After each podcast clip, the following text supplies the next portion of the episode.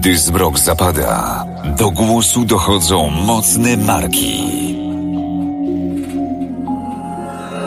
Herra on Air. Nocne rozmowy o sporcie, biznesie i przedsiębiorczości. Wyjątkowi goście, aktualne tematy. Mówimy jak jest. Bez ściemy, cenzury i kompromisów. Na żywo.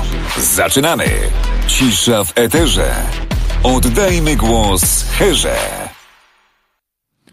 Dobry wieczór dla tych, którzy nas oglądają na żywo w programie 21.12 i dzień dobry wszystkim słuchaczom podcastu, którzy, jak to w podcastach, słuchają nas o dowolnej porze dnia lub nocy.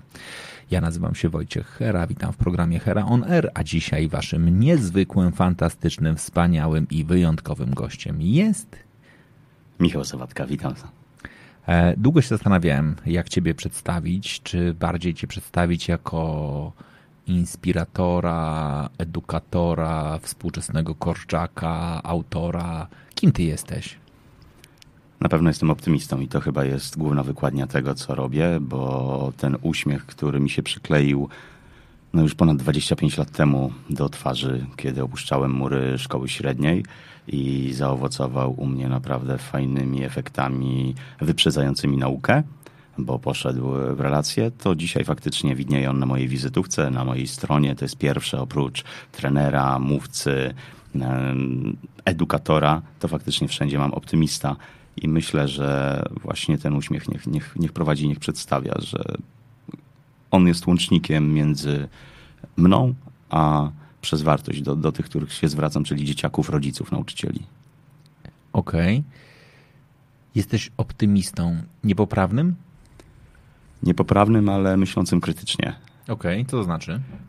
Że oprócz fascynacji, która mnie dotyka i czasami ze, ze swoją fascynacją zwracają się do mnie mm, rodzice, mm, szkoły, to w tym optymizmie ich, e, mówiącym, jacy to wspaniali jesteśmy i zapraszamy do współpracy, albo mam cudowne dzieci, chciałbym, żeby pan prowadził, to jednak najpierw myślę krytycznie na zasadzie, z czego może to wynikać, czy to jest e, obiektywne bardzo e, z ich strony? I myślę krytycznie, żeby pod wpływem tego, co do dzisiaj nauczyłem się obserwować, faktycznie dać wartość bądź zanegować czasami to na jakim poziomie mamy współpracować. A, i, ale mimo wszystko wychodzę z założenia, że mamy szansę wypracować coś dobrego, pracując właśnie na, na, na ich e, wartościach, potencjale bądź chęci osiągnięcia czegoś. I stąd ten optymizm, a myślenie krytyczne, żeby nie popaść e, w ich samozachwyt i mój samozachwyt na zasadzie wow, lubię tworzyć fajną energię, ale nie zawsze ten uśmiech wystarczy, żeby było efektywnie, więc tutaj myślę krytycznie. Okej, okay, dobra. To ja teraz wprowadzę kilka zasad y, dla dzisiejszej naszej audycji, dzisiejszego spotkania. Dla tych, którzy są na żywo, Przypominam, ta audycja ma w swoim takim kon, w konwencji e, pytania od widza. W związku z tym, jeżeli napiszecie mi pytania w komentarzu, zarówno na moim prywatnym profilu, jak i na stronie, wtedy po waszym pytaniu ta lampka zapala się na czerwono. Ja wiem, że jest pytanie, możemy sobie na nią e, na nie odpowiedzieć. Dla kogo jest ta audycja? Ja myślę, że to jest bardzo dobra audycja dla przede wszystkim rodziców. Znaczy, jeżeli jesteś rodzicem małego dziecka lub nastolatka i myślisz sobie, kurczę, chciałbym być bardziej świadomym rodzicem, chciałbym lepiej rozmawiać ze swoim dzieckiem, chciałbym nauczyć się otwierać na dziecko i otwierać dziecko przed sobą. Znaczy, żeby ta relacja była pełniejsza, to na pewno w tej audycji znajdziesz kilka e, odpowiedzi. E, ta audycja jest dla wszystkich, dla których w ogóle przyszłość e, naszej edukacji, naszych, czy też przyszłość Polski, czy też przyszłość świata, której przyszłością są dzieci, jest ważna, e, będzie istotna. No i pewnie dla wszystkich, którzy potrzebują trochę inspiracji, e, będzie ona dobra. No oczywiście pewnie będzie też bardzo wartościowa dla po prostu dzieciaków, czyli jeżeli jesteś dzisiaj nastolatkiem i szukasz podpowiedzi, jak być kimś, to tutaj pewnie też sobie znajdziesz kilka e, rzeczy. Ja bym najpierw chciał zadać jakby kilka pytań tobie, e, Michał, dotyczącej ciebie jako osoby. Mhm. Jak ty, się, jak ty się w ogóle znalazłeś w miejscu, w którym jesteś? Bo ty masz taką dość zawiłą przeszłość e, zawodową. Tak, e, to taka bajaderka rzeczy, które przeżyłem. Bo najpierw przez sport e, miałem być lekkoatletą i karateką. Mhm. I myślę, że tutaj sport mnie ustawił w spojrzeniu na relacje z samym sobą i na determinację w działaniu. Mm, potem idąc na AWF, bardzo szybko przekierowałem się na teatr bo przez musical trafiłem na scenę teatralną, gdzie spędziłem 14 lat. W jakim byłeś teatrze? Zacząłem od Janusza Józefowicza, mhm. ale później była Roma, Teatr e, Baduszkowej w Gdyni, Opera na Zamku w Szczecinie, Teatr e, Wielki Opera Narodowa, u Krystyny Jandy, Teatr na Woli, mm, Teatr Narodowy. Było dużo różnych e, teatrów, od sztuki do sztuki. A w czym grałeś? No, jeżeli chodzi o musicale, to zacząłem od metra. Grałeś w metrze? 14 y, lat. 14 lat 8, 800 spektakli. 800 spektakli. Ale ty wiesz, że możemy zacząć zaraz śpiewać, bo ja znam wszystkie piosenki metra. No to pięknie. No, więc od metra się zaczęło, później miałem takie lekkie załamanie i to też jest ciekawa historia, bo mm, pokazująca pewnego rodzaju mm, pozwolenie rzeczywistości, żeby coś się potoczyło i przy pierwszym nie żeby nie odpuszczać i nie dopuszczać czasami tych złych słów. To w ogóle wychowawczo nawet i dla dzieciaków to jest dobra względem determinacji, żeby nie dopuszczać zewnętrznych głosów, że jesteś do bani z jakichś powodów, zwłaszcza tych, na które nie masz wpływu, a ja mówię u siebie o wzroście, mhm. bo idąc e, z Buffo na castingi do Romy, nie dostawałem się do dwóch kolejnych spektakli z informacji, że wszystko fajnie, ale jesteś też za niski jak na E, na oni, scenę. Oni tak patrzyli, mówili, kurczę, patrzy, patrzymy na sztukę, mówią, skrzata już mamy. Tak, dokładnie. Y, I jak się tak trochę podłamałem, to żeby było śmiesznie, po kilku dniach zadzwoniono do mnie z Opery Narodowej. I mówią, dzień dobry, słyszałem, że pan na scenie tam różne rzeczy robi, a szukamy niskich. Naprawdę? Tak, i tak trafiłem do zespołu Mariusza Trelińskiego i później y, pojeździliśmy trochę i, i do Japonii, i do jakichś innych zaległych, odległych e, właśnie mm, zakątków świata. No i pewnie to otworzyło kolejne różne, różne drogi, bo tam poznałem kolejnych ludzi na scenie i, i, i dzięki temu trafiłem też na scenę jeszcze jak zamiast teatru, w sensie zamiast Carrefoura był teatr na Puławskiej, czyli e, mhm. do teatru nowego. E, I, i, I, tam też e, brałem udział w, w, spektaklu, więc to były przeróżne drogi. I, I to jest niezwykłe właśnie, jak czasami coś się przydarza i mówisz, o matko, wszystko jest do bani, wszystko padło. To jednak okazuje się, że jeżeli pójdziesz za tym i jednak nie dopuścisz tego, że e, wpadając w dołek przestajesz kopać, mhm. to za chwilę się otwierają nowe drogi. I, i, I to było bardzo, bardzo ciekawe, że to, co komuś może w ogóle nie odpowiadać, dla, dla kogoś będzie niezwykłą wartością, która mi otworzyła drogę. No i po latach przechodziłem, łącznie zagrałem 17 różnych premier przez te 14 lat, prawie pół tyś, półtora tysiąca różnych spektakli. No i po pewnym czasie już e, trafiłem z WF-u, później e, zafascynowało mnie scen, e, na scenie słowo mhm. i tak poszedłem na uniwerek, na dziennikarstwo, gdzie ogromnym moim mentorem do dzisiaj jest e, profesor Bralczyk mhm. i u niego zdawałem pierwsze egzaminy z autoprezentacji i słowa i na pierwszym egzaminie usłyszałem słowa, które gdzieś mnie nastygmatyzowały, ale bardzo pozytywnie i, i w to poszedłem. To znaczy profesor powiedział, panie Michale, za głos już ma pan plus a drugie, co panu powiem, to nie widziałem pana na scenie bez urazy. Wolałbym pana słuchać w radiu niż oglądać na scenie. I to gdzieś mi tak z tyłu e, się kłębiło w głowie i faktycznie zająłem się mocno słowem. Zacząłem najpierw animować publiczność, zwracać się do nich, przemawiać do ludzi. I jak się pojawiły moje dzieciaki i zaczęły pytać, to tym słowem zacząłem się bawić i tak powstała pierwsza książka, mhm. Mądrość z natury, która była odpowiedzią na pytania mojej córki wtedy, jeszcze tylko córki. I dokładnie od czasu, dokładnie od napisania pierwszego tekstu minął równy rok do premiery pierwszej książki, gdzie ze względu na to, że było to dla dziecka, zrobiłem coś e, niebywałego, bo zgromadziłem osobiście kampanię e, medialną przekraczającą kilka milionów złotych z, łącznie z animacją puszczaną we wszystkich Cinema City w Polsce, ożywieniem animacji. Trzydziestka normalnie szła przed każdym kinem familijnym, e, kampanie w metrze, w innych rzeczach i w dniu premiery już nie grałem wtedy na scenie w żadnym spektaklu, zrezygnowałem i już zbliżając się do miejsca, gdzie jestem, od razu po premierze pierwszej książki zaproszono mnie na spotkanie do Empiku. I mówię, no tak, ale jak wygląda spotkanie autorskie? Ja wiem, jak wygląda zabawa na scenie. I sytuacja wyglądała tak, że nie, nie, będzie pani e, jakby prowadząca, będzie moderator tego spotkania, proszę przyjść, będzie super. No i przyszło kilko, kilko, e, kilkudziesiąt, kilkadziesiąt dzieci i po 15 minutach się załamałem, jak pani pytała, a jak powstają obrazki? A jak się drukuje książkę? I po 15 minutach dzieci takiej rozmowy widziałem, jak zaczęły dłubać w nosie. A ja do tej pory przez 14 lat kontaktu z moim odbiorcą angażowałem go albo przez emocje, albo przez y, grę teatralną, gdzie on wchodził w to. I powiedziałem, że to było moje ostatnie spotkanie autorskie. Wróciłem do domu, pomyślałem, o czym jest moja książka tak naprawdę. I bardzo szybko powstały pierwsze warsztaty, społeczny savoir-vivre, jak nie nadepnąć światu na odcisk, żeby dzieciom, i to było moje pierwsze hasło wydawnictwa, wyobraź świat dziecku. Że, I zacząłem bawić się z dziećmi, z którymi się spotykałem w tolerancję, bo o tym była bajka, w szacunek, w umiar, w troskę, w roztropność. I bardzo szybko nauczyciele zaczęli mnie pytać, a na jakich metodach pan pracuje? A ja mówię, na swoich. A mówię, a to znaczy, na wyobraźni. Mówię, wyobraź świat dziecku. I zacząłem angażować e, właśnie dzieciaki, a po chwili zaczęły być pytania, czy może nas pan tego nauczyć. Więc powstał warsztat dla nauczycieli.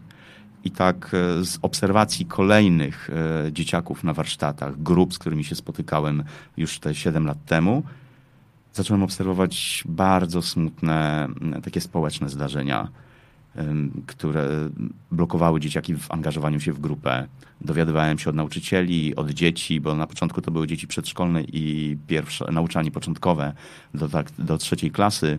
To był taki warsztat i zobaczyłem, jak e, bardzo dużo tych e, społecznych barier powstaje. I w pewnym momencie przez dwa lata miałem tylko jedną książkę.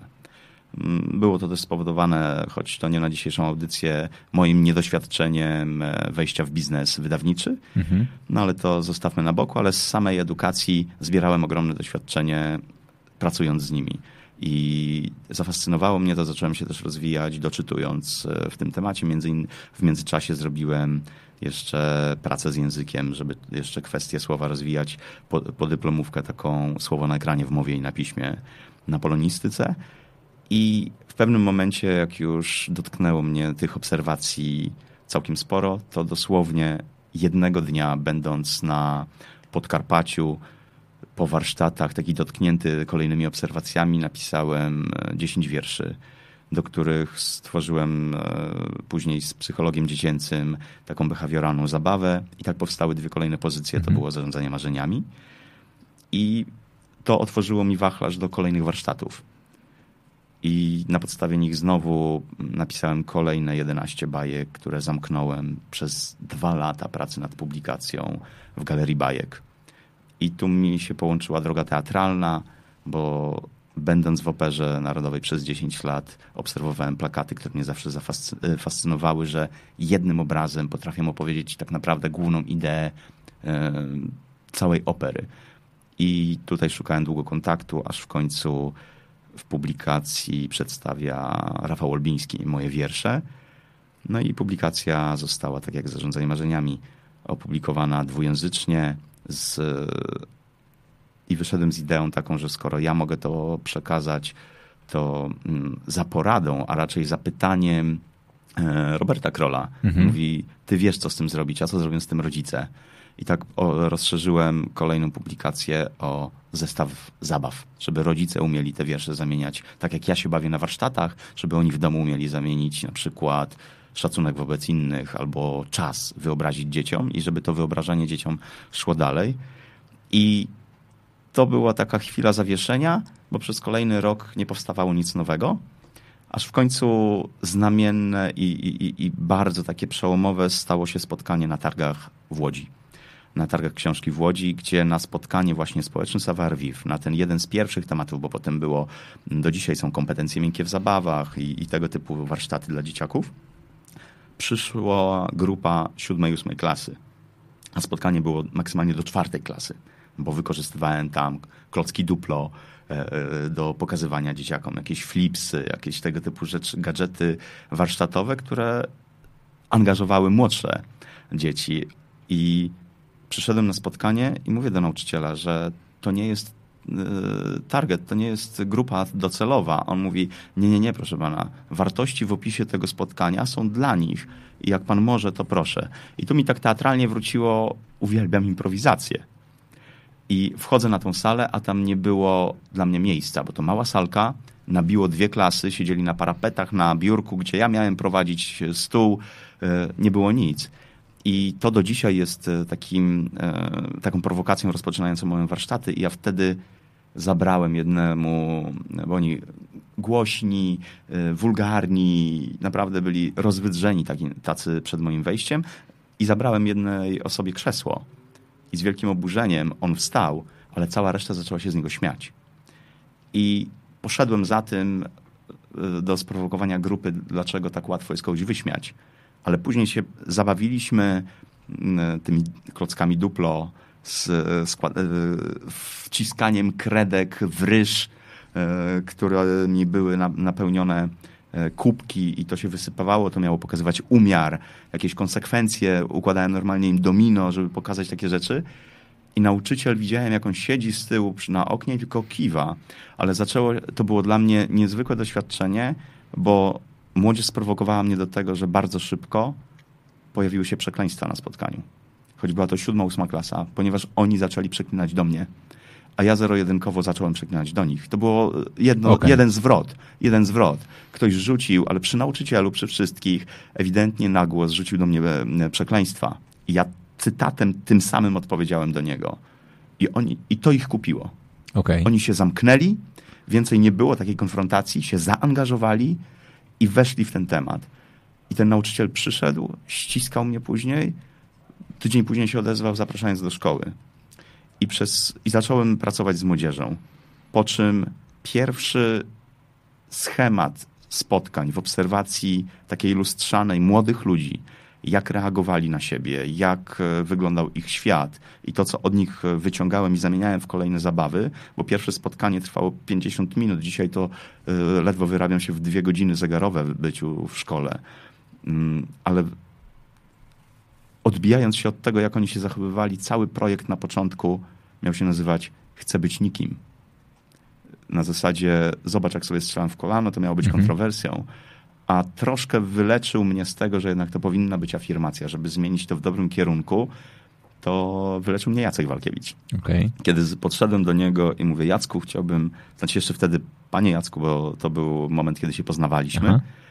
i mówię, że chciałbym mu przedstawić taką koncepcję dla młodych ludzi. Taka fajna koncepcja, chcę być nikim. I on prawie spadł z krzesła, jak to usłyszał. Mówię, ale jak? No i ostatecznie zostało, chcę być kimś, został kontrowersyjny podtytuł całego projektu, czyli, czyli jak osiągać cele w czasach, gdy wszyscy dookoła mają wywalone. No i poszło to w niewiarygodne rzeczy, bo dzisiaj to są już grube setki spotkań, grube tysiące młodych ludzi, tysiące wiadomości od nich i jestem w miejscu tym, co dzisiaj, gdzie bardzo dużo w tej chwili pracuję z młodzieżą, i coraz więcej, bo też przekierowuję to, widząc, że oprócz tego, w jakim miejscu znajduje się polska młodzież, niezwykle dużo pracy czeka nas z nauczycielami, ale i z mhm. rodzicami. I to w tej chwili jest miejsce, gdzie jestem, czyli tak naprawdę idąc za ciosem, w odpowiedzi, można powiedzieć, na marzenie mojej córki, rosło to e, w trosce. To było trochę takie samolubne, bo ja miałem, ok, chcę pracować z młodymi pokoleniami i to było takie niezwykle Później doszedł mój syn z takiej mm, prywatnej chęci, żeby moje dzieci miały kiedyś lepiej. I mówię, okej, okay, to skoro im to tłumaczę i to działa, to chcę to przekazywać więcej. Może przynajmniej fragment społeczeństwa będzie miało wartości, o które kiedyś bardzo mocno dbaliśmy. I one były wartością naszych relacji i z różnych kwestii to się pogubiło, ale pewnie gdzieś tam o tym może dzisiaj porozmawiamy. No i, i, i, i to jest chyba moim głównym celem dzisiaj, że jestem takim, takim głosem zero-jedynkowym, jak nauczyciele mówią często, bardzo często, jest pan niegrzeczny, ale skuteczny. Że tak jak oni się do siebie komunikują, ja tak mówię do nich o ich problemach, ich, ich językiem i chyba przez to, że bardzo otwarcie odpowiadam na ich pytania, odpowiadam na ich problemy i przyjmuję je bez oceniania, a po prostu słucham, to gdzieś stałem się ich takim katalizatorem, bo oprócz spotkań bardzo często dostaję wiadomości, maile, bo jak się okazuje, chcą, chcą się wygadać, a nie mają gdzie. No i tak powstało miejsce, w którym jestem. Jak go nazwać? Nie wiem, ale chyba uświadamiam i młodych, i dorosłych, i, i, i na razie, póki mi starczy sił, to jest miejsce, gdzie pewnie nie chcę pozostać, ale chcę to miejsce rozwijać jeszcze bardziej dla świadomości nie tylko tych najbliższych, ale tak, tak szerzej, bo coraz więcej głosów jest, że gdzieś to się odciska i w szkołach, i w dzieciakach, i u rodzicach, mm, bo, bo, bo te książki okazuje się zwróciły się znowu i do młodych, i do starszych. Mhm. To jest tak, że to, co było na pierwszym spotkaniu, moją kontrowersją, że ja nie chciałem opowiedzieć komuś, a pokazać, to ten język wyobraźni teatralnej zamknąłem w moich książkach bo ja wyobrażam rozwój osobisty tym dzieciakom. Ja im nic nie każę tam. To są takie książki, gdzie ja pokazuję im na tacy przeróżne rozwiązania, różne opowieści z życia, listy młodych ludzi, wywiady z, ze sportowcami. Na przykład w pierwszej części rozmawiam z Robertem Korzeniowskim, z Kajetanem Kajtanowiczem o, o ciężkiej drodze do celu. Ale niesamowite, tak, tak dzisiaj wiem, że niesamowicie udało mi się to w tych książkach mm, zawrzeć wyobraźnię, że każdy bierze coś adaptuje do, do siebie. Mm, na zasadzie, że ja wiem, co tak naprawdę napisałem, a czytając czasami listy młodych ludzi, jak oni to odczytali, to widzę, że jeden fragment jest e, przelewany przez tysiące doświadczeń i rozumiony w inny sposób, ale każdy bierze wartość dla siebie dzięki temu, że ja nic tam nie nakazuję. Po prostu biorą coś. To jest tak, trzy tygodnie temu miałem wystąpienie dla rodziców na temat e, wypozycjonowania się na rodzica, fajny autorytet dla dzieciaków w czasach social. I poruszałem tam różne aspekty właśnie relacji z dzieckiem w dzisiejszych czasach medialnych. I na koniec spotkania jeden z uczestników podszedł i mówi: Fantastyczne było, i podaje jakiś przykład. A ja mówię do niego: Ale ja nie o tym mówiłem.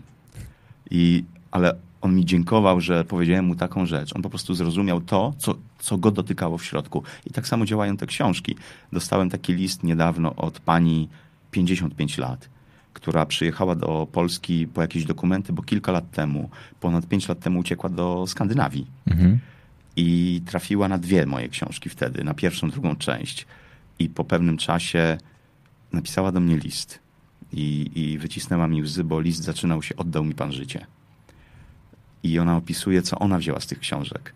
Ja też wiem, że w wielu, w wielu aspektach ja tego tam nie napisałem. I, I dzisiaj to jest chyba to miejsce, że dałem radę stworzyć taką przestrzeń, gdzie mając umiejętność łączenia kropek takich emocjonalnych, empatycznych, relacyjnych i dawania dobrych przykładów, metafor z życia, ludzie biorą z tego to, co jest dobre dla nich co też dla mnie daje bezpieczeństwo w odpowiedzialności, że ja nic im nie nakazuję i na spotkaniach też. Ja po prostu opowiadam o dobrych relacjach, o poczuciu własnej wartości, o szanowaniu drugiego człowieka, a każdy czasami albo przez to, co zrobił komuś nie tak wśród młodych ludzi, znajduje to puk, puk, zatrzymaj się, bo to jest jednak trudne dla kogoś innego, a drugi, ten poszkodowany, szuka znowu w tych samych słowach trochę odwagi dla siebie. I, i to jest miejsce chyba, gdzie dzisiaj jestem. Okej, okay. no dobrze. E, boję ci się zadać kolejne pytanie, bo na pierwsze pytanie, kim jesteś, odpowiadałeś e, przez pół godziny, e, ale to jest ten, bo ty, ty, często mówisz o tych książkach, to ja sobie sięgnę najpierw po te książki i je będę pokazywał. To jest seria Chcę być kimś. Ty weźmiesz drugą, bo wtedy tam jest kamera, będzie ją lepiej widać. E, mamy trzy książki, e, tak. trzy z czterech. Tak, czwarta w drodze będzie po wakacjach. O czym będzie? Czwarta będzie, to będą decyzje, rozwój, motywacja i sztuka myślenia.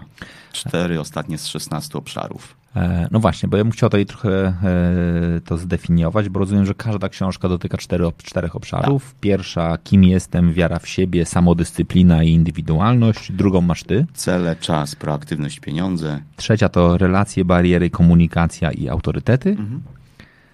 Skąd się wziął? I czwarta, o którą powiedziałeś? Decyzje, rozwój, motywacja i sztuka myślenia. Okej, okay. skąd się wziął, e, że tak powiem, ten 16 gram? To było połączenie raz głównych obszarów faktycznie, o które warto zadbać w swoim rozwoju, żeby gdzieś świadomie żyć, e, umieć wychodzić do ludzi, ale też pracować ze sobą i to wynikało z zainteresowania e, rozwojem e, moim prywatnym, ale w bardzo dużej części było to odpowiedzią na rzeczy, które obserwowałem wśród młodych ludzi, z czym mają problemy i o co pytali mnie. Mhm. I na początku ten skład był trochę inny w sensie konfiguracji poszczególnych części, ale tutaj można powiedzieć tak e, troszkę zdradzając tajemnicę, tajemnicę, no też jestem wydawcą, więc e, zrobiłem sobie takie badania wśród młodych ludzi, które dla nich są takie topowe z tych 16. I było siedem, które się najczęściej powtarzały. I okazało się, że te siedem na początku złożyłem w dwie książki. Okay. Więc później rozłożyłem je, żeby każda z części była dla nich fascynująca. Okay. Więc to było takie czysto, no gdzieś tam też wydawnicze e, zagranie, ale okazało się, że to połączenie daje niezwykłą ewolucję rozwoju, ponieważ na początku w pierwszej części były cele i czas, mhm. ale okazuje się, że bardzo dobrze teraz, bo jak czytają czytelnicy od drugiej części, bo są tacy, kto mówi, a interesują mnie te rzeczy, to ewidentnie wracają i piszą do mnie, że kiedy wrócili do pierwszej, całkowicie inaczej mogą działać z tymi obszarami, które są w drugiej części. Dlaczego? Bo na przykład nikt nie popracuje nad swoimi celami i zarządzaniem sobą w czasie, jeżeli nie popracuje nad samodyscypliną czy poczuciem własnej wartości, na przykład i później konfrontacji z komunikacją. To prawda. Bo pokazuje im, że jeżeli nie popracujesz nad poczuciem własnej wartości, nad swoim ja, nad swoimi e, sposobami myślenia, albo dlaczego tak widzisz rzeczy, a nie inaczej, to kiedy ci w komunikacji z kimś drugim, bądź konfrontacji z rodzicami będzie na czymkolwiek zależało, to zamiast normalnie rozmawiać w oparciu o argumenty, o, w oparciu o bronienie bądź przekazanie swojej intencji, to będziesz, ja to nazywam tak, ciulował, bo tylko ci zależy, to wszystko zrobisz. A to nie jest wtedy komunikacja. To jest wtedy tak naprawdę albo żebractwo, albo poddanie się manipulacji. Więc te wszystkie części gdzieś wpływają na możliwość efektywnego rozwoju w kolejnej. I jestem bardzo zadowolony już no, po trzech latach od premiery e, pierwszej części, że to poszło właśnie tym torem i taką kolejnością, jak to młodzi nazwali, aplikacjami poszczególnymi. Dlatego też e, pojawiła się taka, taki wizerunek okładki telefonu, aplikacji. Mm, ale dzisiaj wiem, że to książka już jest nie tylko dla właśnie młodzieży, ale świetne narzędzie rodziców, nauczycieli. Pracuję dużo w, z centrami kształcenia nauczycieli albo z urzędami pracy gdzie e, doradców zawodowych teraz w, tej, w tym momencie jakby jest taka tendencja, żeby szkolić tych, którzy są oddelegowani do szkół i od nich wiem, że ze względu na to, że nie ma podręczników do doradztwa zawodowego, do, do przedsiębiorczości, czy mhm. jakoś tak się nazywa te przedmioty w pierwszych, e, w pierwszych klasach szkoły średniej, i wiem, że ogrom nauczycieli w Polsce, co mnie bardzo cieszy, pracuje na tym jak na podręczniku. Mają gotowe skrypty, modele, i ćwiczenia do przerobienia z młodzieżą. I, i, I, bardzo się cieszę właśnie, że z formuły książki, że ona powstała w ten sposób.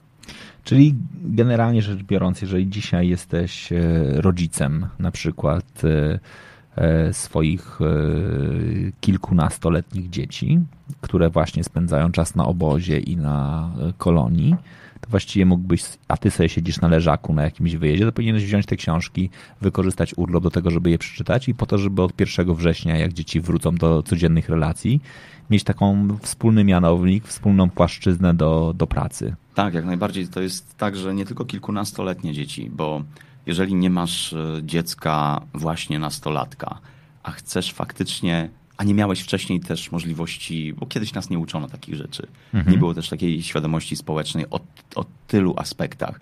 Więc nawet jeżeli twoje dziecko jeszcze nie jest nastolatkiem, to nie mówię, żeby mu czytać to na kołysankę na dobranoc, ale przeczytać sobie, żeby być świadomym w jakim kierunku można iść właśnie z komunikacją, jak wspierać e, poczucie własnej wartości, czy relacje w małej rodzinie ze względu na uważność, która jest ogromnym, ogromnym problemem wśród młodych ludzi i tego poszukują.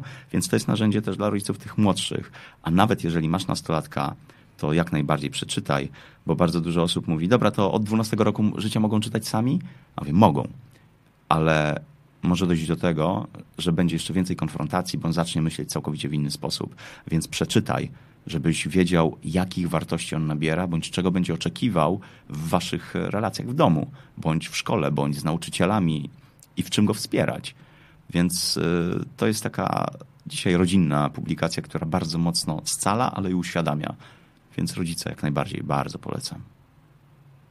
Ale mnie zainspirowałeś w ogóle.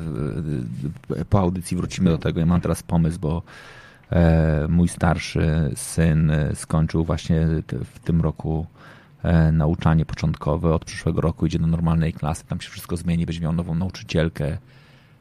Chyba właśnie mam pomysł na to, co zrobić z tymi książkami. Mega czata, ale w ogóle się zajarałem. Jakbyśmy to sobie pomyślałem, że jakbyśmy kupili to wszystkim rodzicom teraz, E, i pani i byśmy wprowadzili taki, ponieważ to szkoła prywatna, więc mam tam prawo ingerencji, mhm. e, i byśmy wprowadzili przedmiot, który by brzmiał, pogadajmy, ja nie mogę, ale czad. W ogóle mega. Do, e, przepraszam bardzo. Teraz e, zainspirowałeś mnie do tego, że e, będę znowu tym rodzicem, który się będzie w, e, wtrącał trochę w szkołę, ale mam nadzieję, że rozwój. I to przedmiot dla rodziców. E, tak, absolutnie przedmiot dla rodziców i przedmiot trochę taki e, w triadzie, znaczy szkoła, rodzice, dziecko. Znaczy ja widzę, że ja w ogóle wierzę, że ta triada jest święta i że my sobie trochę... Mam takie spotkania wśród moich właśnie, nazwałem je naczynia połączone, czyli, ale z trzech stron, czyli szkoła, rodzic, dziecko. I, i, i prowadzę takie też spotkania dla, dla rodziców i nauczycieli właśnie, żeby ich trochę pojednać, bo e, dzisiaj rodzice bardzo duży wpływ chcą mieć na szkoły, tylko nie zawsze ten wpływ powinni mieć. Ja uważam, że znaczy wpływ i tak będą mieli. Tak, w ale sensie, czasem... że jakby to, co powiedziałem, znaczy praca w triadzie, znaczy absolutnie ustalmy tak, sobie relacje, tak, ale... budujmy synergię, pomagajmy sobie nawzajem, wspierajmy. To, co ty powiedziałeś, że jak wszedłeś do e, e, na spotkanie z tą młodzieżą niezaplanowane, to wykorzystałeś narzędzia e, inspiraty tego e, improwizacji. Ja faktycznie chyba będę wiedział, że jeżeli byśmy zapamiętali, że podstawowy, to co powinniśmy zapamiętać z teatru improwizacji, czyli pierwszą i podstawową zasadę graj na partnera, i, i zrób wszystko to, żeby kolejnemu było jak najłatwiej, żeby wypadł jak najlepiej. To tak buduje relacje. Jeżeli w tej triadzie zrozumiesz, że jako rodzic masz zrobić wszystko, żeby szkole było jak najłatwiej, a ty jako rodzic masz zrobić wszystko, żeby, na, żeby dziecko było jak najłatwiej lub też jak, żeby rodzicom było jak najłatwiej, to po prostu to, to zaczyna działać. To zaczyna tak? działać. I ten wpływ jest wtedy ok i on, i on wtedy, wtedy jest ok. Jest pytanie, czy warsztaty na podstawie książek e, dopasowuje pan do potrzeb dzieci, grupy, czy można ustalić warsztaty na jakiś konkretny temat, problem w szkole? Jest tak, że mam kilka tematów e, dostosowanych do wieku. Mhm. Z młodszymi dzieciakami e, pracuję na przykład kompetencje miękkie w zabawach, e, retoryka młodego człowieka. Tu pracujemy nad, nad komunikacją, albo właśnie społeczny savoir-vivre, jak nie nadepnąć światu na odcisk. Mm, dla starszych jest to właśnie Chcę być kimś, który no jest panelem takim w tej chwili dwugodzinnym, bo to są warsztaty w tej chwili i w formule i możliwościach mojego czasu, że to nie jest cykliczna praca ze szkołą, mhm. tylko ja przyjeżdżam, robię pozytywny bałagan i wyjeżdżam, choć odwiedzam szkoły na przykład rokrocznie i po rozmowach z pedagogami, z nauczycielami wiem, jak bardzo dużo zmian jest e, po tym. Więc e, jak najbardziej e, ja dopytuję, jakie na przykład mają wyzwania w szkole, czy mieli jakieś krytyczne sytuacje i możemy się bardziej skupić nad czymś. Ale robiłem też takie spotkania, ale to już wtedy jest na specjalne jakby domówienia, że robiłem ogólny warsztat dla całej szkoły, a później z poszczególnymi grupami pracowałem na przykład ze starszymi, którzy przygotowywali się do matury, pracowałem nad e, celami i czasem a z młodszymi nad e, relacjami między nimi, z młodymi ludźmi i właśnie hejtem. E, to było w gimnazjalnej grupie. Więc przeróżne są formuły możliwe i w tej chwili ze względu na czas, jaki mam, całkowicie nowych e, formuł się nie podejmuję, bo bym nie był w stanie, ponieważ mam bardzo dużo konferencji, warsztatów. Od listopada ruszają moje konferencje tematyczne dla rodziców, takie ogólnodostępne, które mi też bardzo dużo takiej merytorycznej pracy zabierają czasu, więc jak najbardziej można się domówić i, i, i mam przeróżne zapytania. Jednak gdzieś ze względu na możliwości czasowe pracuję na siedmiu, ośmiu tematach, które mam przygotowane, dostosowane do wieku. Bardziej otwarte są te dla starszych, czyli siódme, ósme klasy do, e, aż do studiów, bądź studenci, bo też takie spotkania mam i one są grupy, to są grupy otwarte. Mam czasami po pół tysiąca osób na auli gimnastycznej i, i po prostu z, z, z dobrym dźwiękiem. I to jest niesamowite, że nawet pół tysiąca osób potrafi przez dwie godziny siedzieć cicho, zaklęta. A jak kończę, to kiedy cichną brawa, bo, bo są takie emocjonalne, duże, to oni zastygają. Oni zastygają i siedzi pół tysiąca osób i nie chce wyjść. Pytam się, czy mają jakieś pytania, oni siedzą głęboko w sobie. I, i, I to jest niesamowite, że nauczyciele się dziwią, co pan z nimi zrobił. Mm, często pojawiają się łzy po takich spotkaniach. Pamiętam niedawno um, Ostrów Mazowiecką chyba. E, chyba tak, gdzie miałem spotkania w technikum, gdzie dziewiętnastolatkowie podchodzi do mnie chłop, broda jak ZZ Top, to technikum, więc on tam z 19 czy już 20 lat, bo róż, różnie mu się przydarzyło mhm. w życiu i podchodzi do mnie i pyta się, czy mogę się przytulić a drugi przychodzi jego kumpel i pomimo tego, że jest taki obważanek e, ludzi, bo ktoś chce książkę kupić, ktoś chce zapytać o coś i drugi przychodzi i mówi pierwszy raz w życiu poczułem się ważny. I słyszysz to od chłopa 19-20 lat i zastanawiasz się, gdzie się coś zgubiło. Więc jak najbardziej te spotkania są w formułach otwartych, mm, te dla starszych, i pomimo tego, że jest taka duża grupa, to wiem, że dociera. A dla młodszych te grupy są już bardziej warsztatowe. To są grupy od 30 do 50 osób w zależności od tematu, czy są bardziej interaktywne, czy mniej, bo wtedy z młodszymi mm, pracuję już bardziej zadaniowo właśnie, gdzie robimy sobie jakieś e, czasami takie grupowe zabawy, żeby pokazać im wartość grupy. Pracujemy na czasie, pokazuję im właśnie jak e, grać na siebie, jak na przykład niezachwycające jest e, dla mnie, jak się przełamują, a początkowo trudne do uwierzenia, jak ogromny problem mają dzieci mówi, e, mówienia o sobie. Mam takie zabawy, gdzie pytam ich prowokacyjnie, kto jest najlepszy w klasie, a potem kto jest najgorszy. I jak mi mówią, to na początku mówię, nie ma najlepszych, najgorszych.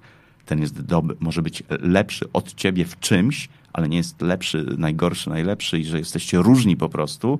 I, I później ich zachęcam do powiedzenia o sobie wartości, ale w sposób dla nich niezwykle, niezwykle trudny, jak się okazuje. Zachęcam ich, żeby wstali w klasie i powiedzieli, na przykład, nazywam się Kuba i jestem dobry w tym i w tym. I czasami czwarta, piąta klasa wstaje, zaczyna się jąkać i zaczyna płakać, bo nie umie powiedzieć o sobie. Takiej prostej rzeczy w klasie, w której jest od paru lat. I, I później się przełamujemy, zaczynamy mówić sobie komplementy, pracujemy, ściskamy się, jakieś takie rzeczy, e, żeby przełamać te, te trudne emocje. Potem zachęcam ich do pracy takiej w ciągu roku, żeby zrobili sobie słoiki szczęścia. I mam szkoły, które mi przysyłają, e, że mają normalnie na godzinie wychowawczej, że przy nie, przynajmniej raz w tygodniu każdy pisze swoją wartość ze szkoły, jaką zrobił w grupie, a na koniec roku czytają, wyciągają po kilka kartek każdy ze swojej puszki i czytają na, przy rozdaniu świadectw, jak cudowną są klasą. I to aż mam ciarki, jak, jak cudownie to działa, naprawdę. I podczas takich warsztatów w małych grupach dzieją się niezwykłe rzeczy czasami właśnie, bo widzą, że potrafią działać efektywnie w czasie, albo zaplanować coś wspólnie, albo że siła kogoś drugiego nie jest tym, że on jest słabszy, ale jak się połączą, to mogą działać lepiej. I, i, i robię im takie czasami trochę nawet e, team buildingu normalnie zabawy, żeby pokazać im, jak wspólnie fajnie jest, bo niestety tego w edukacji jest bardzo mało i, i każdy walczy o siebie. A, i, I w tych właśnie warsztatach dla młodszych pracuję między innymi na takich rzeczach. Zanim przejdziemy dalej, ja mam tutaj kilka e, informacji od słuchaczy, ponieważ obiecaliśmy im, że mogą zadawać pytania, to tutaj mamy kilka pytań. Zacznijmy od takich elementów, jak e, Agnieszka pisze, że uwielbia Pana książki, e, zwłaszcza bajki, e, genialnie działa na, na młodych, 100% prawda, na przykład e, na przykład przykład z polowaniem w wykonaniu lwicy w książce mm -hmm. Chcę być kimś. Jest ten przykład, że lwica musi się powstrzymać od ataku, nawet gdy jest mega głodna, bo musi zrobić strategię, by polowanie było skuteczne. Mega działa obrazowo na młodych ludzi. Wiem, że bo testowałem z licealistami. E, jak mówiłeś o tym, e, o tej ciszy e, po spotkaniu o tych ludziach skoncentrowanych na sobie, tak było ostatnio na krakowskim salonie maturzysty. Siedzieli jak zaczarowani, napisała Agnieszka. A pani Małgorzata pyta, panie Michale, widziałam filmik, w którym ćwiczył pan z córką uśmiechanie się. Mam pytanie. Jak uczyć dzieci radzenia sobie ze złością i smutkiem? Mam emocjonalnego trzylatka, z którym właśnie ćwiczę rozpoznawanie emocji, umacniania sobie tych fajnych i opuszczania tych, co smucą. Ja mam bardzo emocjonalnego siedmiolatka. Czekaj, czekaj, nie, nie, nie. Ty eee. masz bardzo emocjonalnego siedmiolatka w sobie. To na znaczy, pewno jeżeli są dwie osoby, które najczęściej płaczą przy różnych historiach, to one siedzą właśnie w tym studio. E, znaczy, tak.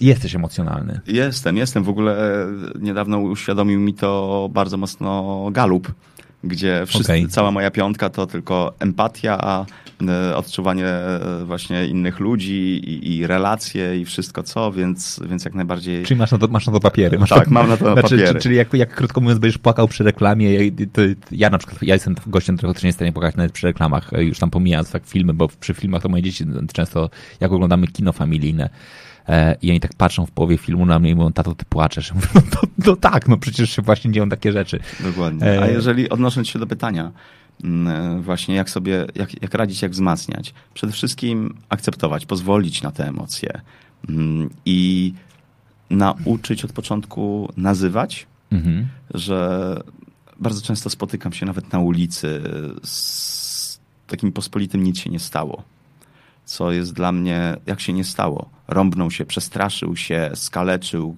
y, czegoś zapomniał, co było dla niego ważne i ma różne emocje w sobie, więc y, przede wszystkim akceptować, że te emocje tak samo jak my mamy, to ktoś może mieć.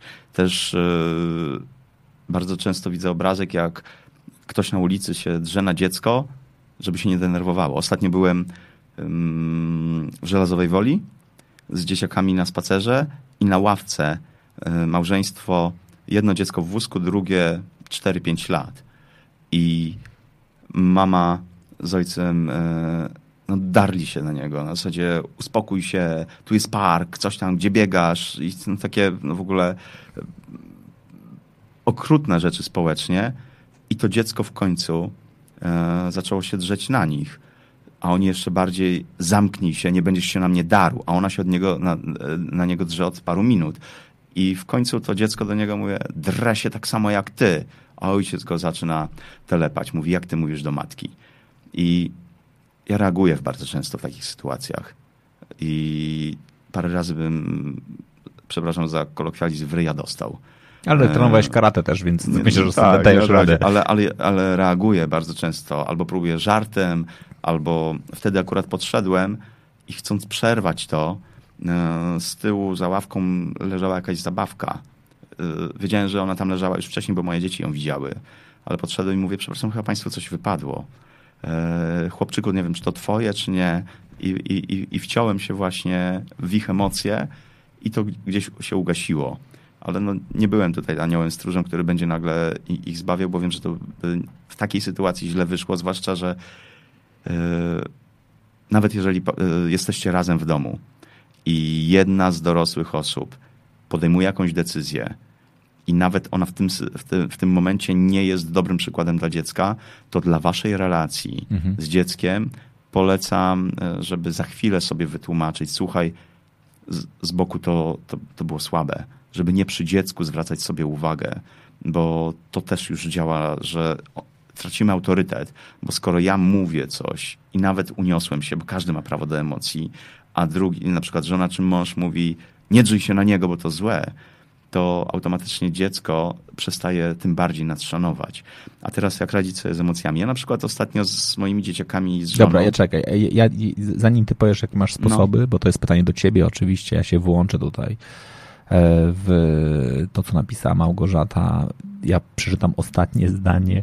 Ćwiczę rozpoznawanie emocji, umacniania w sobie tych fajnych i opuszczania tych, co smucą to ja będę, ja tutaj będę stał na straży, że wszystkie emocje są ważne. Znaczy jakby czym innym jest opuszczenie i poradzenie sobie z przyczyną tego, co wywołuje złe emocje, czy też te takie, ja, ja nie lubię w ogóle, jak ktoś mówi złe emocje, to sam tak, to powiedziałem. Są trudne Są emocje, trudne tak. emocje i tak dalej, ale mm. wszystkie emocje są ważne i mówię to naprawdę z perspektywy człowieka, który tutaj obok w studio e, ma jednakże gabinet też e, psychologiczny, w którym pracuje. Oczywiście z bardzo wąską grupą e, osób, czyli tylko z, ze sportowcami, ale ja mam takie głębokie przekonanie, że 90% mojej pracy to jest w ogóle rozbicie skorupy emocjonalnej, mm. bo zanim dojdziemy do tego, jak oni sobie radzą z przegraną, wygraną motywacją, stresem i tak dalej, i tak dalej, to w ogóle oni w większości nie umieją nawet nazwać emocji, a, na, a następnie zaakceptować, że one są. Jak ktoś mówi, jak sobie radzić z przegraną, to ja mówię, dobra, przegrana to jest tylko wynik w tabeli, to, tam, to, to nic nie zmienia. Znaczy za tym są tak, tak grube emocje, mm. które trzeba po prostu jakby wyciągnąć.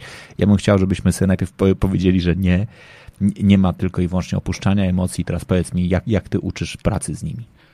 Przykład zrobiliśmy mm, to wtedy, akurat było to inicjatywą, choć długo już rozmawialiśmy o tym z Gosią, z moją żoną, to mm, wróciłem raz z jakiegoś wyjazdu, oni akurat nad tym pracowali, mm, dołączyłem się do tej zabawy. Zrobiliśmy sobie na przykład plan na złość. To znaczy, yy, moje sposoby na złość. Każdy narysował pana lub panią złość. Yy, jak wygląda i później każdy z domowników wypisał sobie moje sposoby na złość. Na przykład, mm, jeżeli coś było w konsekwencji trudne, to szukaliśmy, na co można to zmienić. Na przykład Makary ma tak, że on unosząc się emocjami, e, całkowicie potrzebuje się odciąć, potrzebuje efektu dźwiękowego, czyli bardzo często kończy się to trzaśnięciem drzwi. Mm, I mógłbym w tym momencie zareagować e, bardzo emocjonalnie, bo trzaska drzwiami. Dlaczego? Choć wiem, że to jest jego efekt. Ale w, tym, w tej zabawie e, nauczyliśmy się, bo on mówi trzaskanie, ale porozmawialiśmy, że trzaskanie może być dla niego niebezpieczne, mhm. bo mamy szybę w drzwiach, bo mamy inne rzeczy. I na przykład on później wymyślił, co zrobić innego. Na przykład pouderzać w poduszkę.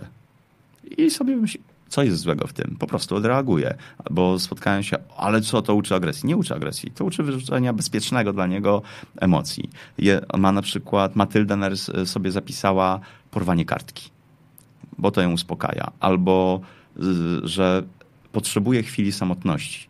I to z szacunku do siebie, do domowników mamy hasło idę do samotni i Matylda i Makary idzie i wychodzi i, bo czasami jest tak, że my w emocjach odcinamy sobie racjonalne myślenie. Mhm. My, rodzice, czasami wtedy chcemy najwięcej czegoś e, albo wymagać, albo przebić się przez tą skorupę, o której ty mówiłeś, ale to nie działa wtedy, bo on jeszcze w większą furię popada jako młody człowiek, bo w tym momencie jest odcięty emocjonalnie. Więc hasło idę do samotnie jest takie, że ja wiem, że Makary czy Matylda za chwilę przyjdą i będą gotowi, żeby porozmawiać o tym.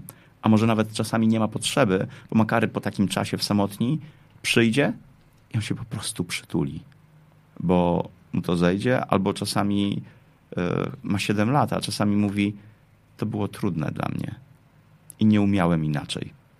I ja wiem, że on potrafi tak zrobić, ale mm, ja też zapisałem sobie na kartce, że mam potrzebę czasami uderzenia w coś. Tak reaguję na zasadzie, że podejdę i, i, i, i walnę w coś i, i poducha jest świetna do tego. Mamy worek w domu. Więc między innymi po to e, zawisł. Ja wychodząc z karate też lubię czasami fizycznie się wyrzucić, bo to oczyszcza. Mhm. To oczyszcza. Ale właśnie każdy narysował e, tą złość. Mm, mamy oczywiście tak samo potęgowanie mówienia o dobrych emocjach. Mhm. Mamy słoiki szczęścia na kredensie. Każdy ma swoją. Matylda na przykład z Makarem mają taką kartkę. Dobra, tu Matylda wrzuca swój uśmiech. Dobra, ale poczekaj. E, ty mówisz już drugi raz o słoikach szczęścia. Czy możesz, napis- na czym, czy możesz opisać, czym jest słoik szczęścia? Czy możesz zdefiniować tak, to, to pojęcie, tak, narzędzie? to jest międzynarodowa w ogóle idea. Ja ją poznałem parę e, lat temu, myślę, nie wiem, osiem czy, czy, czy ileś lat temu, na zasadzie umiejętności doceniania takiej afirmacji, dziękczynienia względem siebie raz w ciągu dnia jedną rzeczą.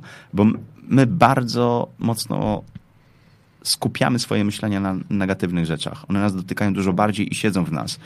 I wychodząc też z tego, jak pytam młodych ludzi, e, co możesz powiedzieć dobrego o sobie, bardzo często mają z tym problem. A jak zapytam, co jest nie tak, to sypią jak z automatu.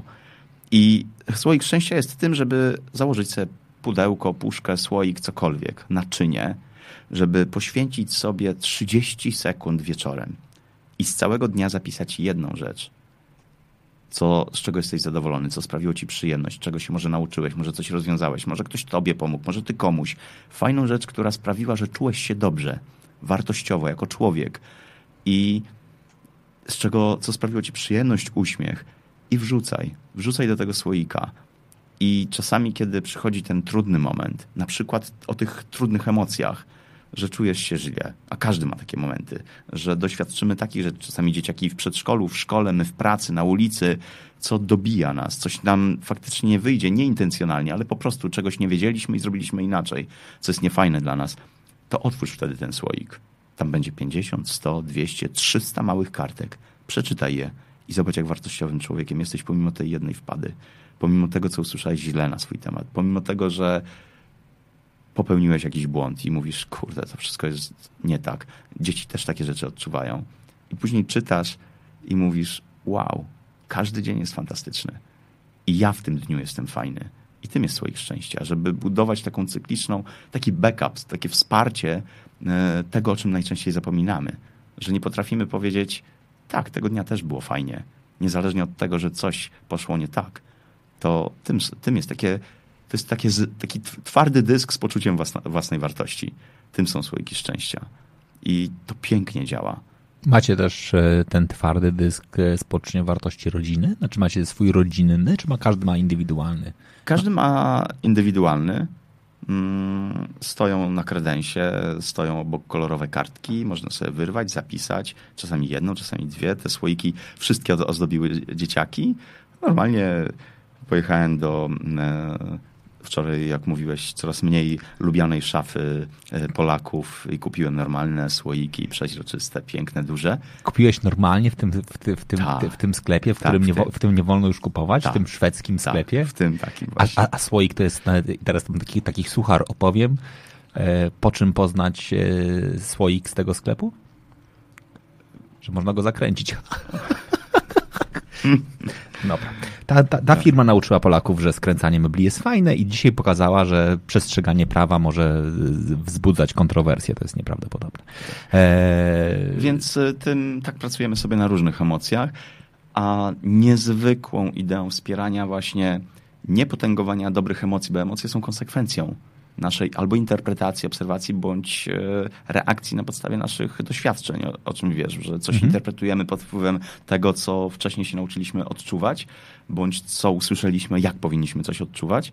Mm, a niezwykle ważną rzeczą, i myślę, że to może o to, o to chodzi w tym pytaniu, jest fakt e, tego, żeby dzieci wspierać w pozytywnych e, ich zachowaniach przez docenienie po fakcie zamiast prowokować do dobrych zachowań przez obietnicę czegoś, czyli kara, e, znaczy e, nagroda w tym wypadku, mhm. że otrzymacie coś, bo będzie super.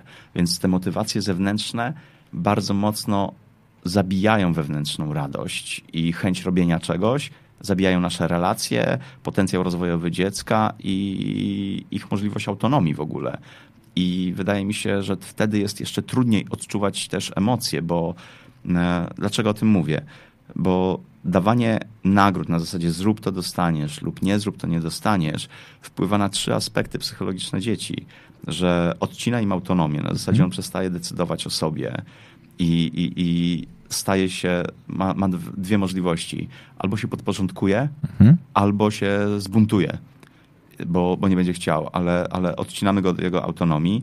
Drugą kwestią e, właśnie tych psychologicznych, nie, no, trudnych rzeczy i niedobrych jest to, że zabijamy rozwój kompetencji, mhm. bo dziecko, kiedy jest docenione po fakcie, to wzmacnia sobie, że to, co robi, jest dla niego przyjemne, fajne, zwłaszcza jeżeli docenimy też proces działania mhm. i powiemy, wow, to było super, to było fajne, zrobiłeś e, na przykład, nie wiem, albo fajny postęp, albo dziękuję ci, że zaangażowałeś się w pomoc w domu.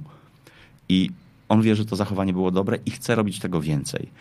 A jeżeli dajemy nagrodę na zasadzie zrób to, dostaniesz, albo jak posprzątasz, to cię nagrodzę, pójdziemy na lody, to jest tak, że dzieciom odbieramy potencjał chęci robienia czegoś, bo bardzo szybko i na to są bardzo ciekawe badania, e, ogłoszone między innymi na takim e, forum e, psychologii dziecięcej w Minnesocie, że dzieci bardzo szybko zabijają potencjał swoich kompetencji, um, działania, umiejętności, a nawet przyjemności robienia na poczet tego, że zaniżają to do minimum, które jest niezbędne do osiągnięcia nagrody. Okej, okay. czyli jeżeli... I, czyli tak, jeżeli... zrobię tylko tyle, ile jest potrzebne, żeby coś osiągnąć, a, nie, a przestaję nawet lubić, co lubiłem dla samego robienia, bo sprawiało mi to przyjemność.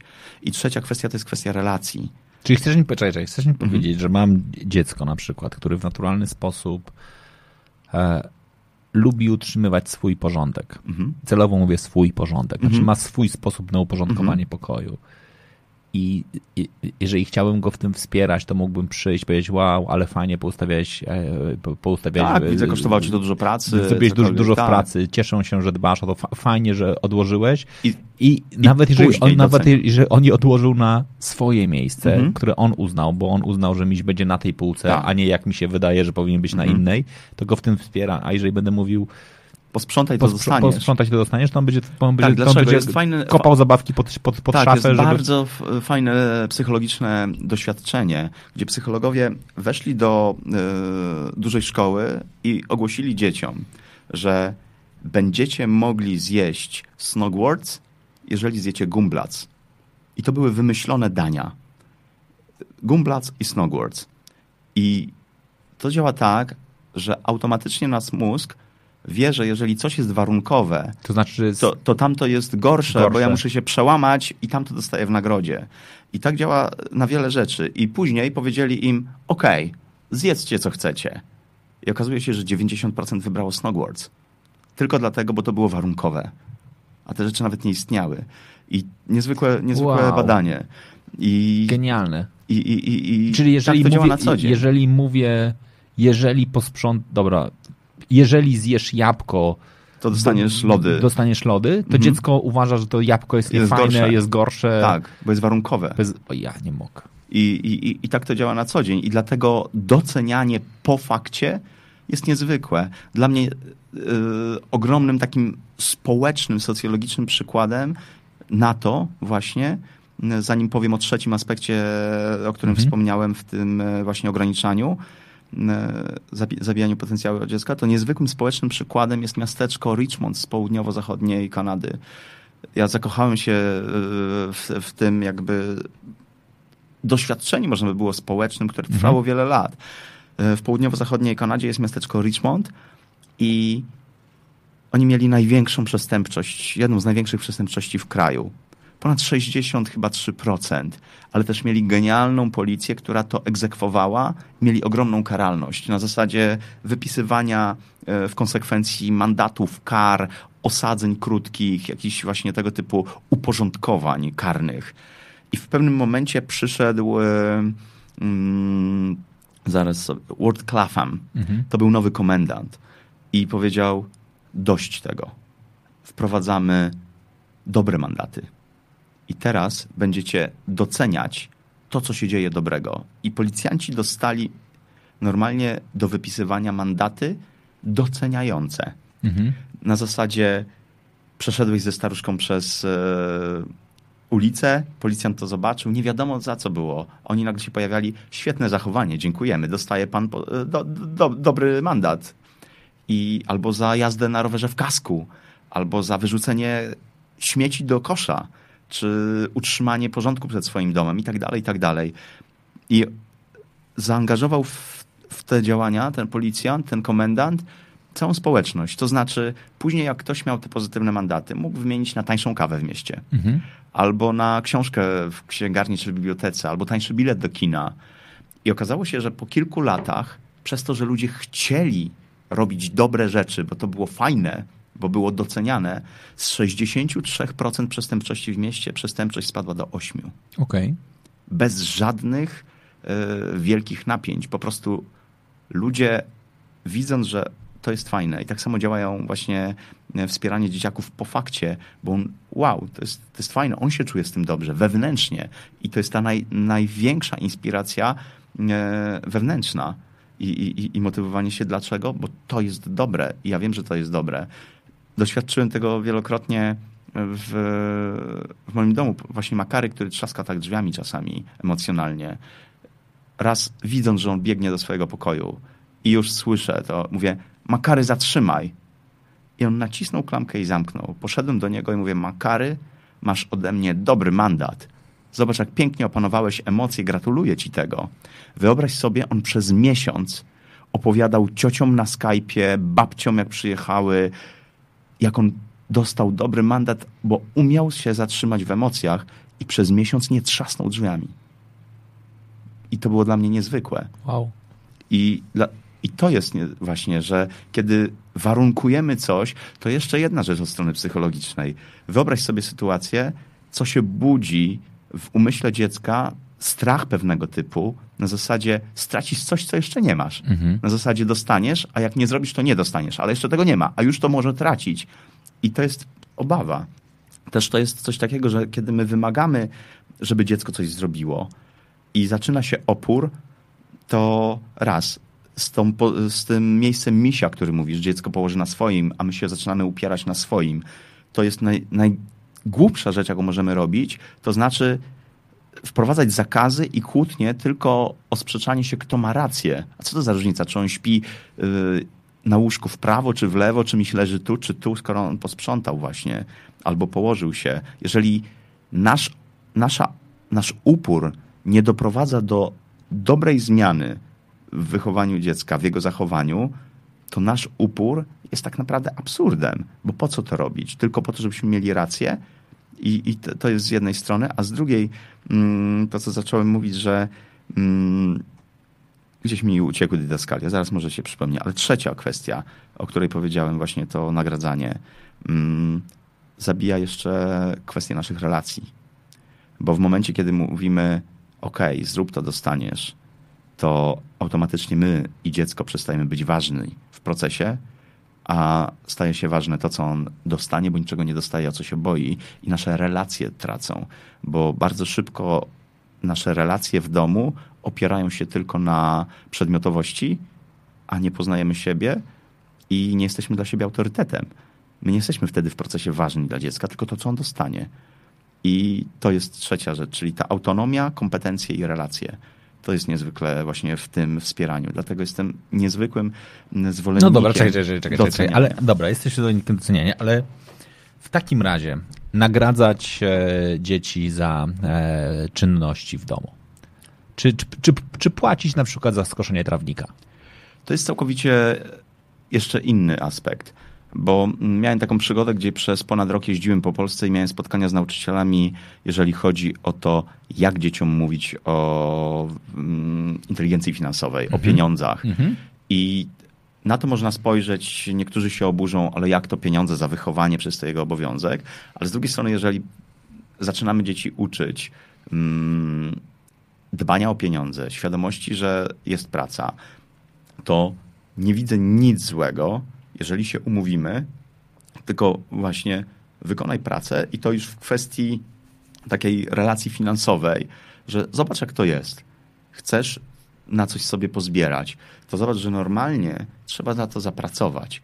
I to nie jest już w kwestii nagrody, tylko w kwestii relacji rozwoju świadomości tego, że na coś trzeba zarobić. Ja jestem zwolennikiem, niestety u nas w Polsce tego nie można robić, ale za granicą pewnie widziałeś wiele razy, jak dzieciaki na osiedlach na przykład sprzedają różne rzeczy, lemoniadę, czasami ciasto, coś. U nas ze względów prawnych nie można tego robić. Yy, Choć yy, bywam na yy, osiedlach, gdzie dzieci na przykład idą i, i sprzątają u sąsiadów, bo w wakacje chcą sobie zarobić na coś. I to jest przecudowne. I nie widzę w tym nic złego. Jeżeli mówimy w relacji tylko czysto wychowawczej i nagrody, a nie ma tego podłoża, ok, porozmawiajmy o pieniądzach, bo one nie powinny być tak samo tabu jak e, wychowanie seksualne, jak relacje, jak e, światopoglądowe sytuacje. Dla mnie jest to wprowadzanie świadomego społeczeństwa albo przygotowanie na rzeczy bardzo trudne, ale lepiej, żeby dziecko miało świadomość niż się zderzyło bez świadomości ze światem. Więc jeżeli robimy to w kwestii tylko nagrody, to moim zdaniem zadziała źle. Na zasadzie może nauczyć, ok, zrobię jak, jak coś mi dasz, w tym wypadku co za różnica, czy to będzie, że ja mu kupię e, deskorolkę, czy dam mu pieniądze. Na zasadzie z kościarni to dostaniesz kasę. Ale jeżeli jest to w kwestii świadomego rozwoju finansowego, piękna sprawa. I bardzo, bardzo, e, bardzo polecam. Okej. Okay.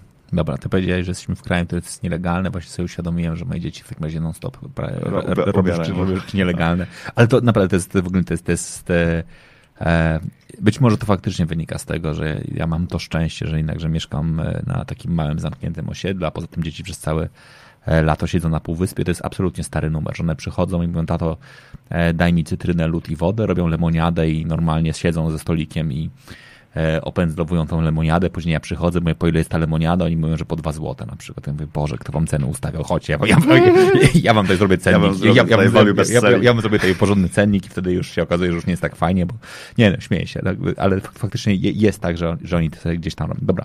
E, Małgorzata napisała, pytam, e, aha, bo napisała kontynuację do tych e, emocji. Mhm. E, pyta, py, pytam, co ile będzie płakać, e, bo, bo tak u nas działa, by wiedzieć, w jakim stanie emocjonalnym on jest. A, czyli chodzi o tego czy... Nie rozumiem pytania, co ile będzie płakać. Dobra, już wiem.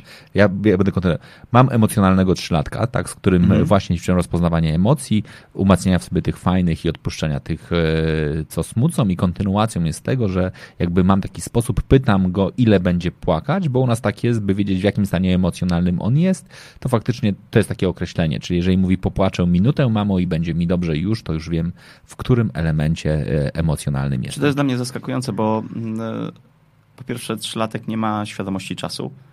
Yy, I ciężko, on mówi, wiem, może to jest dla niego, że on się uspokaja i wie, że minutka to krótko. Okej. Okay. Mo, może tak, ale też yy, wydaje mi się, że często to jest tak, że trzy lata to jest przeważnie język emocji, jest ze względu na to, że dzieci odczuwają, nawet kontakty ludzkie odczuwają, nie analizują wiedzy. Y, z kimś się zaczynają y, komunikować, bawić, dlatego, bo, bo czują, że, że się mhm. na przykład dobrze bawią. I trzylatek, to, że on płacze, jest wiele rodzajów płaczu. Trzeba się zastanowić, co on tak naprawdę komunikuje, co on chce powiedzieć, bo on czasami płacze, mm, ponieważ dlaczego się denerwuje? Bo jeszcze czegoś nie umie, mhm. bo jeszcze czegoś nie rozumie. I teraz jest pytanie, jak my do niego mówimy, bo niezwykle ważne jest to, żeby komunikować się faktycznie językiem dostosowanym do wieku dziecka, bo my bardzo często próbujemy w nadmuchany sposób wytłumaczyć coś dziecku z naszej wiedzy, ale on naszej wiedzy nie przyjmie. I, i to jest dla mnie e, no, trudne chyba do wyobrażenia sobie, żeby dziecko powiedziało, ile będziesz jeszcze płakał. Na zasadzie weź się zastanów, ile jeszcze będziesz opanowywał te emocje. Zrozumienie emocji to jest porozmawianie najpierw czasami po prostu pobyć. Po, pobyć, bo nie wszystko wymaga wytłumaczenia. Emocjonalne dziecko trzyletnie, jeżeli ma faktycznie ogromne wybuchy emocji, to warto skonsultować się też ze specjalistą, bo są przeróżne momenty. Może być to jakieś lekkie spektrum Aspergera, mhm. mogą być różne inne czynniki, a może być jeden czynnik wpływający na to, że dziecko zaczyna emocjonalnie reagować na wszystko. Pamiętam, mieliśmy, kiedy Makary był w przedszkolu, był e, taki moment, gdzie każdego dnia wpadał w ogromny płacz przed wyjściem do przedszkola. I to mnie też zaczynało gdzieś e, burzyć emocjonalnie, bo wiesz, że masz spotkanie, wiesz, że po drodze zawodzi mhm. dziecko do przedszkola, a on zaczyna robić e, ogromne sceny, gdzie do tej pory nie robił i sam się puknąłem w głowę na zasadzie porozmawiaj z dzieckiem. I któregoś razu, wtedy był chyba z rok starszy, miał cztery, e, cztery z kawałkiem. I nagle po prostu zacząłem z nim, z Gosią rozmawiać, że czy jest coś w przedszkolu, co sprawia, że nie chcę tam iść. I tu nas, następowała cisza, niedopytywanie. On musi to ułożyć w swojej głowie. I on w końcu po, po dłuższej ciszy mówi, w tej chwili nie pamiętam imienia, wymyślę je na poczet e, przykładu, mówi, bo Natalka się ze mnie śmieje. A ja mówię, może się uśmiecha do ciebie.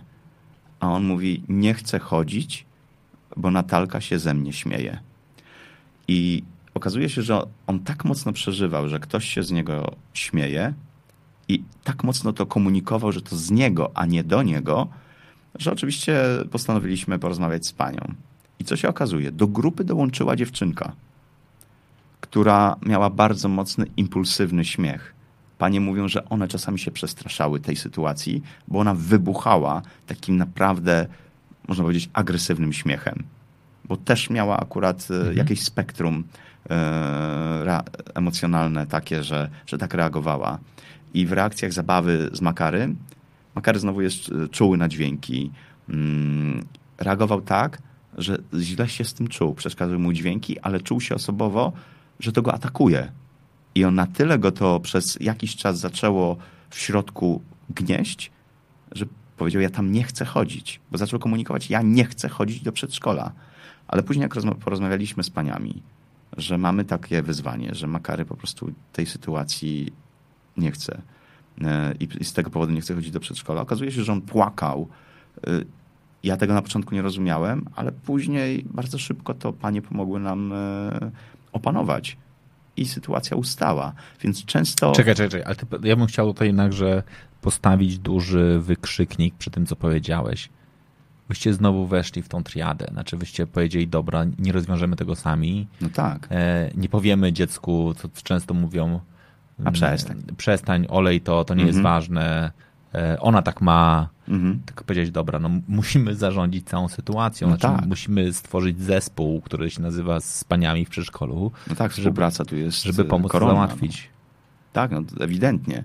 To było tak, że Ale nie, nie, nie chęci pomocy dziecka... Nie poszedłeś jako rodzic, nie powiedziałeś, proszę pani, ja oczekuję, żeby pani zrobiła tak, nie, opowiedzieliśmy całą sytuację. Przestała się śmiać, natychmiast. Ona ma się przestać śmiać z mojego dziecka. Nie, była kwestia, opowiedzieliśmy całą sytuację i na zasadzie, co z tym możemy zrobić. Mhm. Jak wspólnie możemy temu zaradzić, bo po prostu Makary ma wyzwanie takie, że na tyle się tego obawia, że w domu wybucha tak, że on nie chce chodzić. I i tutaj też w różnych sytuacjach. Czasami może się coś wydarzyć, że my nawet nie wiemy, dlaczego tak dziecko reaguje. Więc wiadomo, że z trzylatkiem jest jeszcze mniejsza komunikacja taka wypowiedzią, opowiedzenia. Często rodzice niezwykłym błędem, moim zdaniem, jest, kiedy rodzice pytają się, powiedz mi, co ci jest. Star, znaczy, znaczy ja myślę, że w ogóle ty powiedziałeś o bardzo ważnej rzeczy, ty powiedziałeś o płaczu, który jest e, przedstawieniem emocji. Mhm.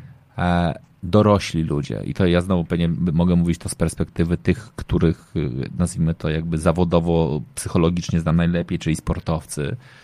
Gdybym miał wymienić trzy pierwsze emocje, które mi się kojarzą z y, płaczem, to jest to strach, złość y, i smutek. Mhm. E, czy też strach, lęk.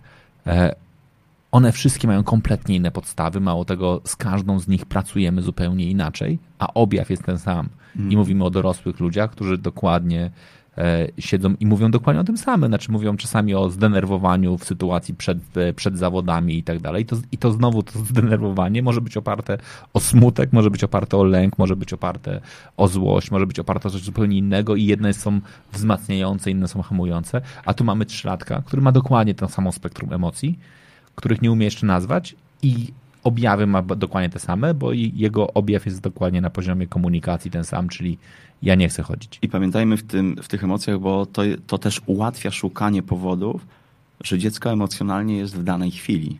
Dzieci nie noszą emocji, nie mają pamięci emocji takiej, że my nosimy urazy, bo Chyba rozpatrujemy. Ty. Ja nie noszę. No ja też nie, ale mówię my dorośli, mhm. że rozumiesz, ostatnio Rozumiem. przyszła do mnie pani, która mówi, panie Michale, co mam robić?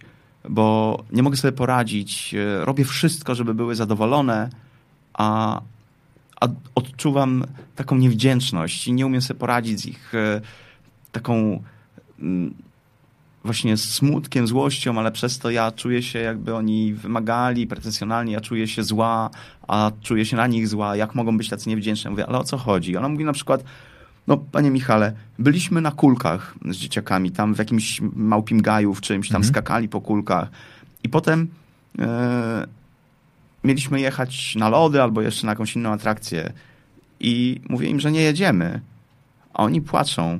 A ja mówię, no płaczą, no bo to było dla nich ważne pojechać na lody. Mówi, nie, mówię, ale jaka niewdzięczność. Mówię, bo zamiast cieszyć się, że byli w kulkach, a mówię, oni z radością skakali w kulkach i w radości byli w kulkach, a teraz nie są niewdzięczni za kulki, tylko płaczą, a ten płacz dotyczy tylko i wyłącznie tego, że nie jadą na lody. A mówi, nie, bo to jest tak, że im nie dogodzi. A wy nie, to pani myśli całościowo, że kulki, w których skakali, powinno im wystarczyć substytutem za to, że nawet jak nie pojadą na lody.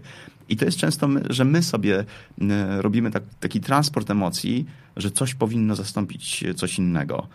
A, albo w relacjach, że dziecko nawet e, na nas zareaguje złością, a my później czujemy się, o matko, on jest taki niewdzięczny, ja robię tyle dla niego. Po pierwsze, nie oczekujmy Mhm. To jest pierwsza rzecz. Nie oczekujmy, że dzieci będą spłacać nam cokolwiek. Jeżeli emocjonalnie oczekujemy, dlaczego on jest zły, przecież ja tyle zrobiłem, to nie rób. To nie rób. Bo jeżeli robimy po coś, żeby dziecko oczekiwało, to nie ma sensu w ogóle yy, działania takiego. Mhm. A jeżeli ma emocje, to zastanówmy się, dlaczego ma trudne emocje w tym momencie. Co go faktycznie w tym mogło z, yy, zawieść czasami. I popracować nad tym, czego może mu nawet y, pokazaliśmy, czego może oczekiwać.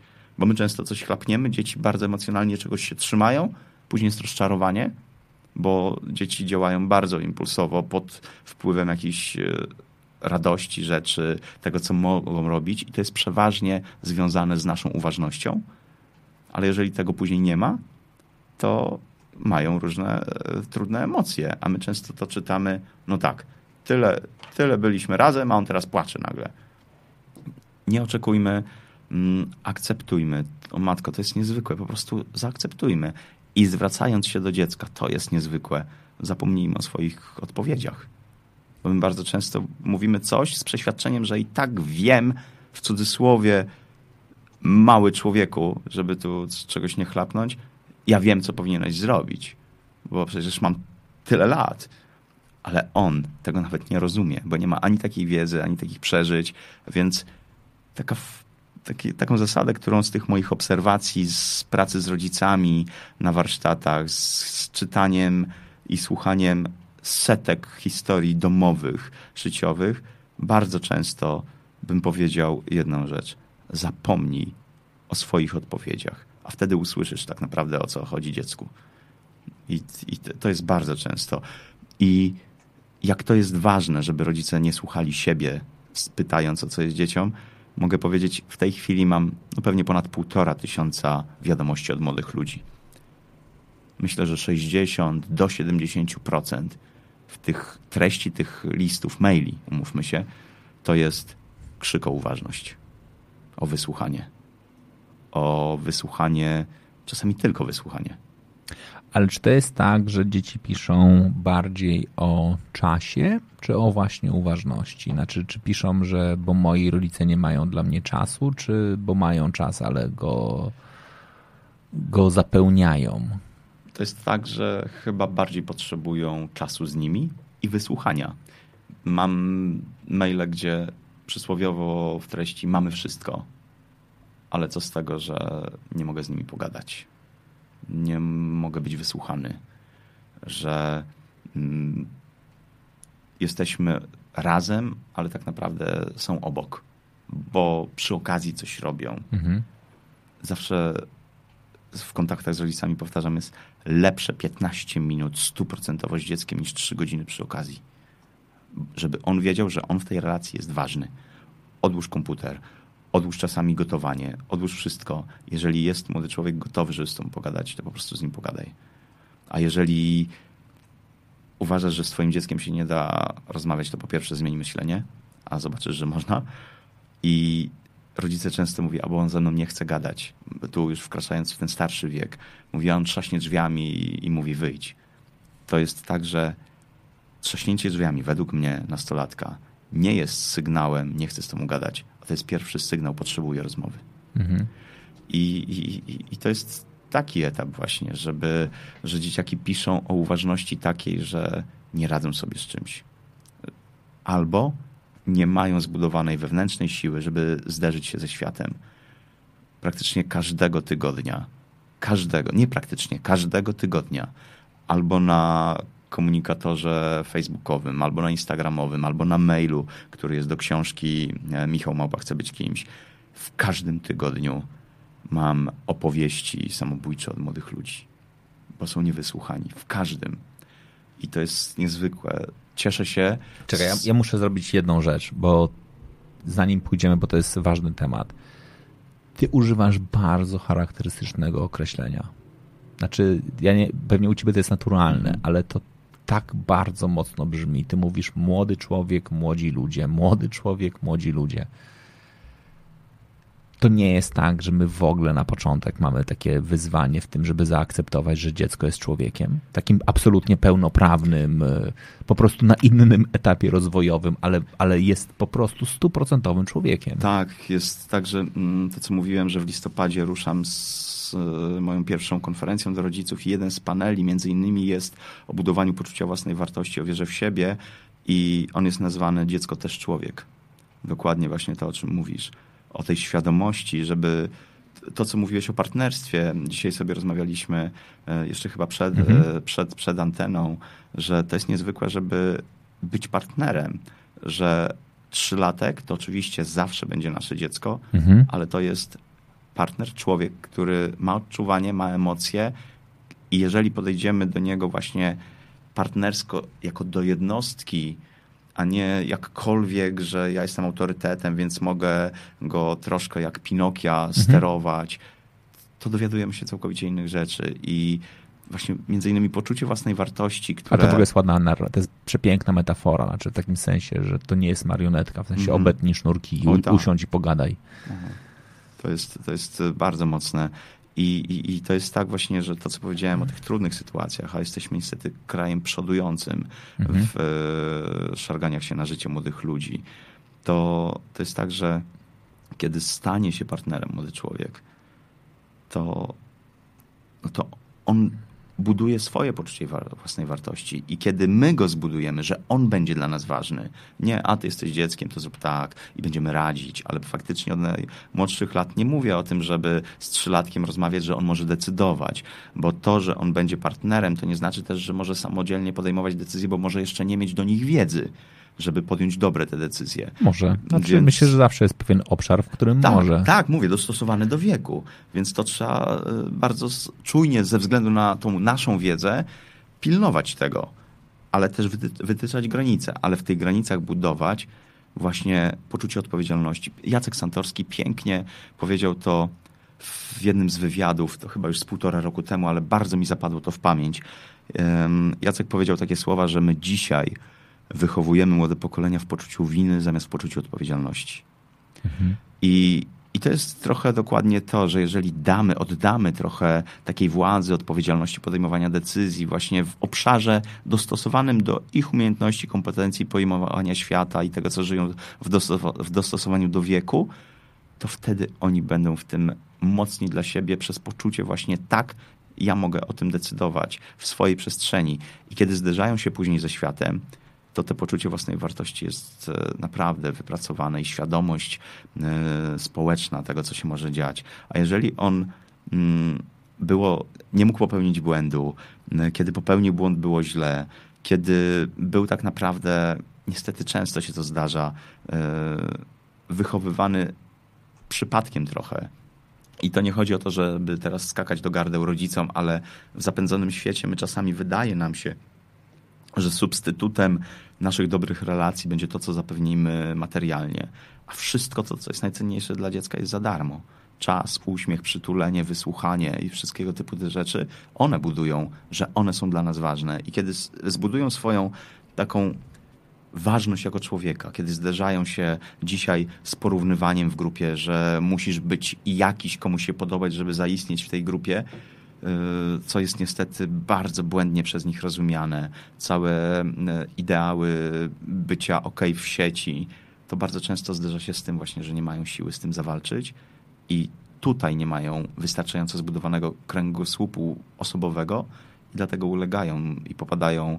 Mm, no wiesz, jak wygląda też e, sytuacja depresyjna w mhm. Polsce, że tak naprawdę brakuje łóżek dla młodych ludzi w, w, zakładach psychiatrycznych, w szpitalach, e, gdzie można z psychologami, z psychiatrami e, z, do psychiatrów się zgłosić. To jest niebywałe. Dlaczego? Bo faktycznie dzieciaki sobie nie radzą. Dzieciaki sobie nie radzą, a jeszcze jeżeli dochodzi do tego jakaś trudna sytuacja rodzinna, czasami patologiczna, pracuję, bo mam przy wydawnictwie fundację, pracujemy kilka razy do roku z takimi grupami kilkudziesięciu osób z, z domów dziecka, gdzie z nimi się spotykam właśnie w kierunku budowania poczucia własnej wartości.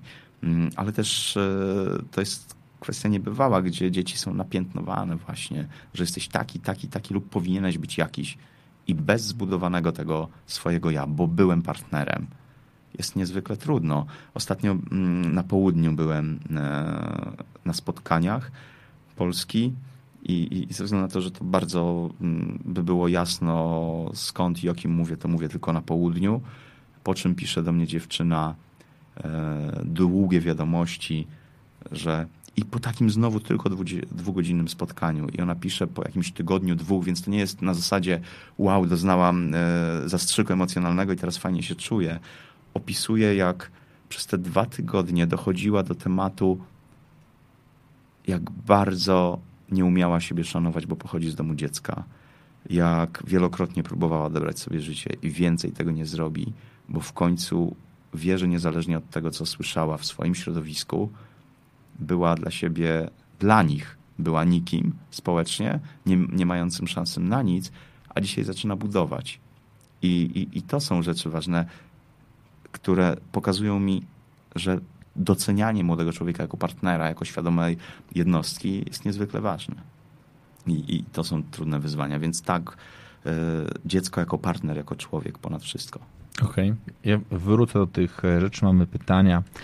E, jestem, e, Marta pisze, jestem matką od 12 lat, teraz już trójki mhm. dzieci. Dużo czytam na temat wychowania i nie spodziewałam się, że tak dużo się dowiem, a jednak dziękuję. Dużo odświeżających i budujących, e, i odświeżających, budujących i składających do myślenia dzieci, czyli jednak, że nie było pytania, było bardziej powiedzenie, że jesteś po prostu znowu e, bardzo dobrym gościem. E, witajcie, jeszcze w niedzielę Cię słuchałem w Rosnówku, a dziś znów ten piękny głos. Michał Balsam na serce napisała Ci Aga. Tak, tak miło. Dobra, ja, ja bym chciał wrócić do pewnej Twojej odpowiedzialności. Ty powiedziałeś, że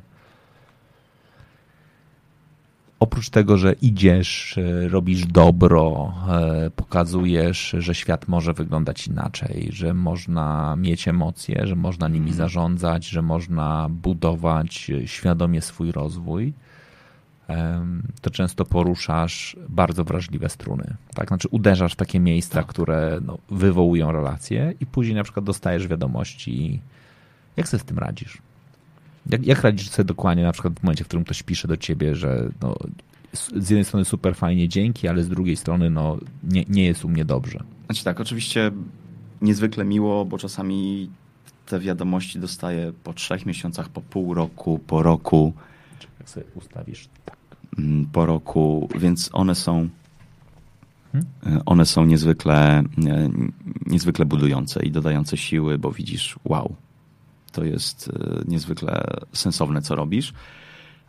Jednak faktycznie bardzo często po prostu w nocy płaczę. Okej. Okay. Ale ostatnio, ze względu na to, że jest nasilenie, może dlatego, że no, tych osób już jest dużo, ponad tysiąc spotkań i jest ogrom tych osób. E, to jest ponad 100 tysięcy młodych ludzi na moich spotkaniach już. Więc e, i tylko tych osobiście, bo jeszcze jest e, kilkadziesiąt tysięcy przeczytanych egzemplarzy książek, które zostały zakupione. Więc, a w książce piszę, jeżeli chcesz, to pisz, masz adres i, i, i ja jestem z drugiej strony. Więc jak sobie radzę? Ostatnio musiałem się zwrócić nawet po pomoc. I ktoś mi powiedział, że czasami nawet nie powinienem na takiego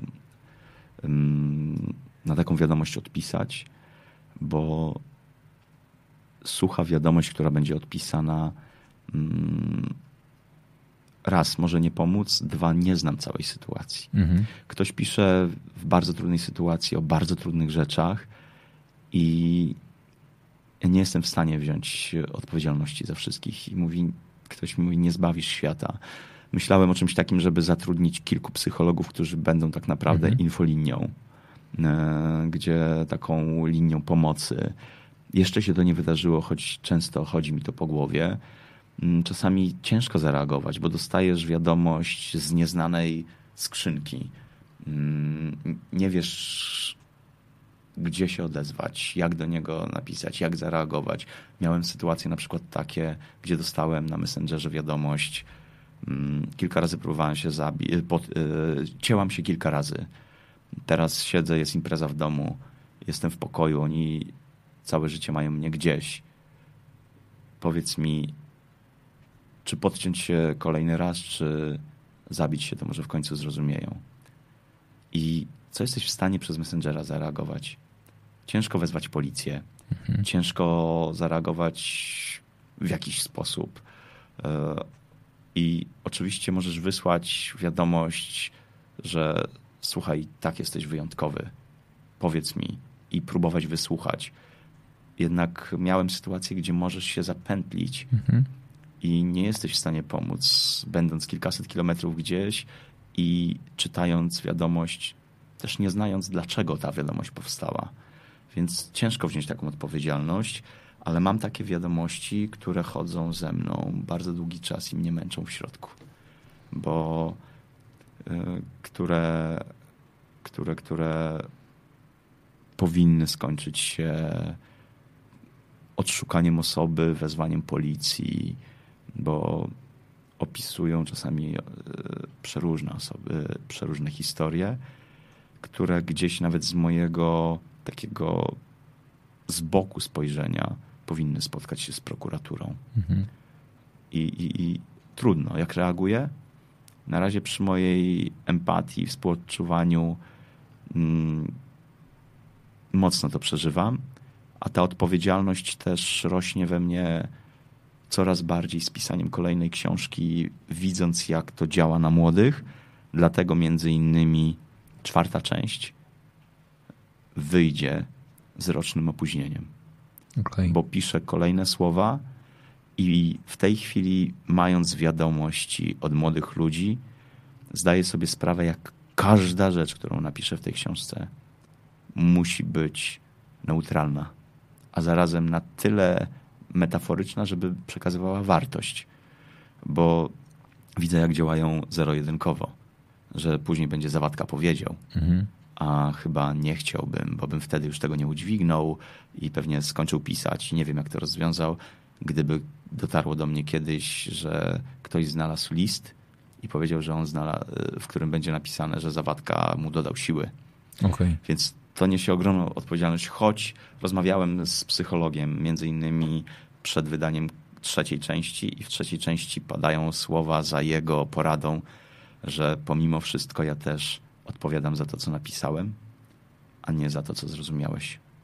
Okay. Że jest to, co podaję neutralne, przez to nie radzę, a pokazuję młodym ludziom, e, ale faktycznie wiadomości czasami trudno. Jak sobie radzę? chcę odpowiadać wszystkim, choć wiadomości jest tyle, że ciężko. Czasami odpowiadam po trzech miesiącach, czasami po pięciu, e, kiedy mam wolniejszy czas i nadganiam te wiadomości.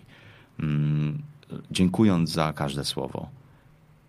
Jednak chyba nie jestem w stanie uleczyć całego świata i dzisiaj to z pomocą znajomych, też psychologów, mhm. zaczynam rozumieć, że nie mogę wziąć odpowiedzialności za każdego czytelnika, za każdego maila i też myślę, że musiałbym otworzyć ogólnopolską linię dla młodych ludzi, żeby to w ogóle przetrawić. Mm, I, i, i może w tym miejscu e, przepraszam tych, którzy nie doczekali się do tej pory na moją odpowiedź. Czasami nie jestem w stanie. Wysłucham, czytam, przepłaczę, ale nie jestem w stanie zareagować. I, i, i, i to czasami boli, mocno boli. ale też daje. mm, Myślę, że dobrym będzie modelem. W tej chwili będę niedługo zmieniał swoje miejsce zamieszkania. e, Między innymi po to, żeby mieć miejsce nie tak piękne jak Hera On Air, ale też faktycznie moją, moją taką dziuplę, moje miejsce, gdzie mm, będę chciał wyciągać anonimowo z listów sytuacje, z którymi zdarzają się młodzi ludzie i im dawać odpowiedzi, żeby to trafiało do większej, e, do większej ilości osób, czyli tak naprawdę poruszać świat młodego człowieka, ten emocjonalny, z którym piszą do mnie i dawać im na kanale swoim moje przemyślenia, moje, może i porady, moje doświadczenie, mm, bądź jakieś rekomendacje. Dla młodych, co mogę powiedzieć? Jak macie odwagę do mnie napisać, to miejcie odwagę porozmawiać z osobami, które naprawdę, pomimo czasami waszych wyobrażeń, że nie chcą was, wysłuchać, bądź to strach powiedzieć, strachem jest nie powiedzieć. Więc zwróćcie się młodzi do czasami psychologa, czasami pedagoga, czasami nauczyciela, przyjaciela, rodziny, e, zamiast e, produkować swoje wymysły, domysły, wyobraźni strach i głupio później czynić. Skoro macie odwagę do mnie, do obcej osoby się wykrzyczeć, a ja czasami nie mam możliwości, żeby wam pomóc, to powiedzcie do tych, którzy są blisko. Czasami wam się wydaje, nie, bo będą źli. Nie będą. Nie będą. Jeżeli, jeżeli pierwsza osoba, którym się odważysz powiedzieć, nie ma siły ci, albo zareaguje w sposób taki, który powiesz, no ładnie, zlała mnie albo zlekceważyła, to idź do drugiej. To idź do drugiej, bo kwestią jest, jeżeli masz problem, z którym sobie nie radzisz, to znaczy czegoś nie rozumiesz, nie masz wiedzy, jak sobie z tym poradzić, bądź coś wydarzyło się, co zaprowadziło cię w bardzo zły zaułek i kogoś trzeba znaleźć, żeby ci pomógł wyjść, bo sam z niego nie wyjdziesz, bo mm, no nie jesteśmy w stanie rozwiązać problemu myślami, które go tworzą, bo będziemy jeszcze się pogłębiać. Więc naprawdę znajdźmy egzekutora tych problemów poprzez zwrócenie się do kogoś. To jest taki mój apel do młodych. A jak i tutaj zwrócę się do czujności rodziców. Do czujności rodziców, żeby byli nastawieni i nie, bagate, nie bagatelizowali. Koronny przykład z niedawno odbytych targów książki na stadionie. Mi się zjeżyło wszystko na ciele. Przyszła do mnie czytelniczka, matka czytelniczki po trzecią część książki. I opowiada mi, że ona jest nastolatką, że już kupuje jej kolejną część i czy może prosić właśnie o dedykację. Ja, żebym e, też dla młodych ludzi, wiadomo, że każda dedykacja nie może być totalnie personalna, bo na już wiele tysięcy podpisanych książek bym sfiksował. No. Więc mam takie klucze dostosowane do każdej części, gdzie piszę pod treść danej książki. I jedną z dedykacji w trzeciej części, jaką wpisuję, to jest bariery znikają w działaniu, odwagi, bo między innymi jest o barierach. I napisałem taką dedykację dla osoby, właśnie nie pamiętam imienia, to też nie jest w tym momencie ważne. Po czym ta pani dziękuje i tak dalej. I odchodząc od stoiska mówię, wie pani co? Opowie mi pani coś więcej o córce. I ona się nagle otwiera, mówi, wie pan, mówi, takie głupie to jest, mówi, o matką, ona ma te 15 lat, ja nie wiem, co jej wełbie siedzi. Wyobrazi pan sobie, mówi, "Nie, to jest takie głupie, wiem, że jej przejdzie. Takim, takim tonem, mówi, wiem, że jej przejdzie, ale ostatnio jakoś tak weszłam w jej komputer. Mówi, wie pan co, ona od miesiąca, może dłużej, jak przewertowałam tą historię, mówi, jakie to głupie, mówi. Tylko zastanawiam się, kiedy jej to przejdzie. Mówi, ona od miesiąca wyszukuje, jak bez, bezboleśnie się zabić. Ja słuchaj, zdębiałem. Ale naprawdę, Tak. Ja mówię, wie pani, odda mi pani książkę. Ja teraz mam kluchę w gardle. Mówię, odda mi pani książkę. Napisałem inną dedykację. Ja sobie skojarzyłem, po tym jak ona daje dziecku his- y, książkę, Okej. bariery znikają w działaniu, działaj. Bo rodzic bagatelizuje i śmieje się z tego, że mówi, o, jakie to młode głupie. Wie pan, czego teraz ta młodzież szuka? Ona czyta, jak od, od miesiąca, jak spojrzałam, jak bezboleśnie się zabić. Mówi, kiedy jej to przejdzie? Mówi, to takie głupie teraz. Mówi, ale przejdzie jej. I takie wyparcie u rodzica, i zdaję sobie sprawę w wielu sytuacjach, my nie dostrzegamy, bo moje dziecko, co, cokolwiek, ma Bądźmy wszystko. uważni. Przecież ma wszystko. Na różne rzeczy. Przemo kupuje książki, no przecież powinno wiedzieć, nie? Co Tak. teraz poradzi, relacje, komunikacja. Tak, ale bądźmy czujni czasami na sytuacje relacyjne, z kim się spotykają, może na relacje w grupie, wysłuchujmy, bo to może dotyczyć historii, że dziecko nie umie nam powiedzieć o problemach czasami seksualnych, czasami o, o, o, o relacyjnych, o jakichś napaściach psychologicznych w szkole. Po prostu bądźmy czujni, bo mówimy, nie, mojego dziecka, to, to wiem, w Polsce to jest źle, ale nie u mojego dziecka przecież.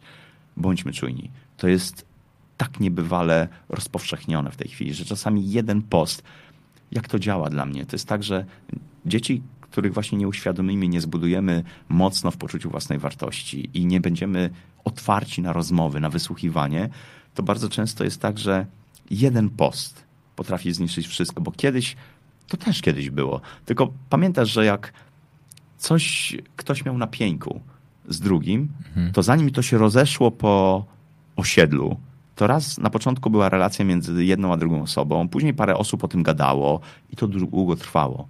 A w tej chwili dzieciaki w jedną chwilę mogą być napiętnowane przez kilkaset osób. I dźwignia tego jest tak niebywała, że one nie potrafią sobie z tym poradzić. I to w różnym aspekcie może być. Czasami w ogóle ich nie dotyczącym, z żartu głupiego, może stać się krytyczna rzecz. Dlatego słuchajmy po prostu naszych dzieciaków. I to nie jest, oczywiście, one szukają autonomii, do, wchodząc w świat nastolatków. Tylko pozwólmy to na to, właśnie przechodząc na relację partnerską. Bo my bardzo często, ja, jak rodzice kupują u mnie książki dla dzieci, e, w sytuacjach takich bezpośrednich i proszą, to bardzo często dla Kamilka proszę. A mówię, a ile Kamilek ma lat? 17. A mówię, nie, to ja dla Kamilka nie napiszę. Mogę napisać dla Kamila. Ale to moje dziecko. A mówię, dziecko, ale ma 17 lat.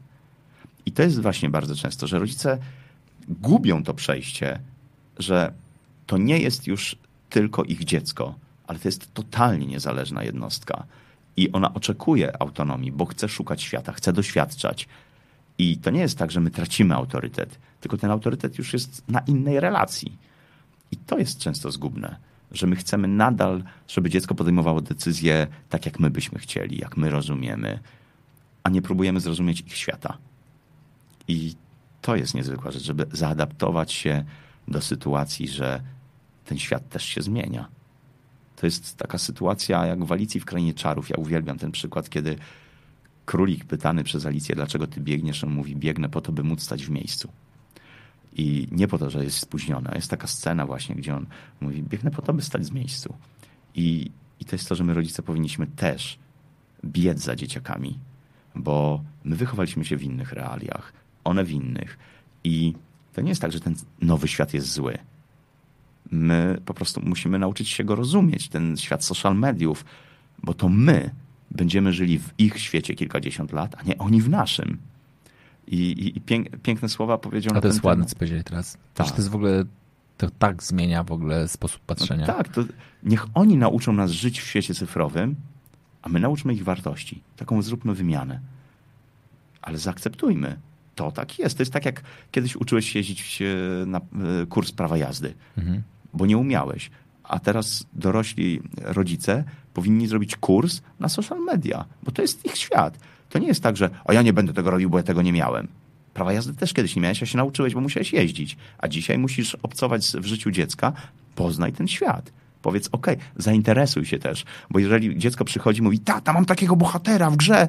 Jeżeli my tylko będziemy negować, to jego świat dla nas przestanie istnieć i w jego odczuciu my, on nie jest dla nas ważny. Znaczy, Zainteresuj się, jakich ma bohaterów, co oni robią, o czym są te gry, bo to nie jest tak, że to jest wszystko złe.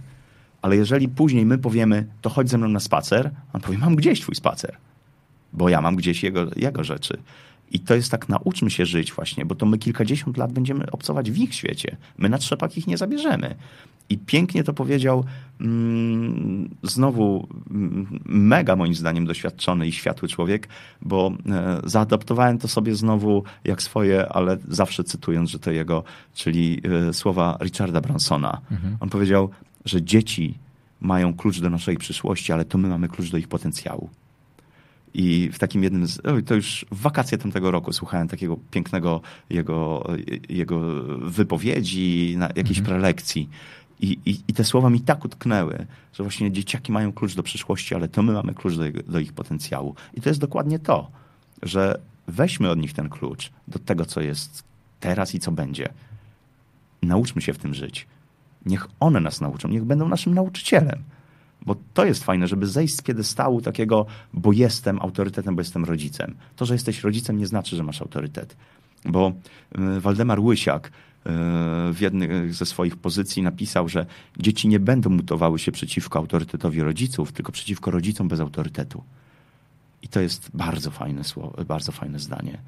I, i, i, I to jest trochę tak, że zbuduj ten autorytet jako rodzic, jako nauczyciel, wejdź w ich świat, żeby móc faktycznie o tym rozprawiać, bo dzisiaj nawet rodzic czy nauczyciel nie ma monopolu na wiedzę. I to jest niezwykłe, bo często dzieciak wejdzie w internet i się dowie więcej niż ja przeżyłem, albo więcej doświadczy, bo bodźcowanie dzisiaj jest dużo większe. My mieliśmy, już nie, nie wspomnę o mojej babci, która przeżywała przez całe życie tyle, co dzisiaj młody człowiek w miesiąc. Przez wszystko, co może dotknąć. A my czasami mówimy, albo tak jest, ja chcę, żebyś mnie za to podziwiał.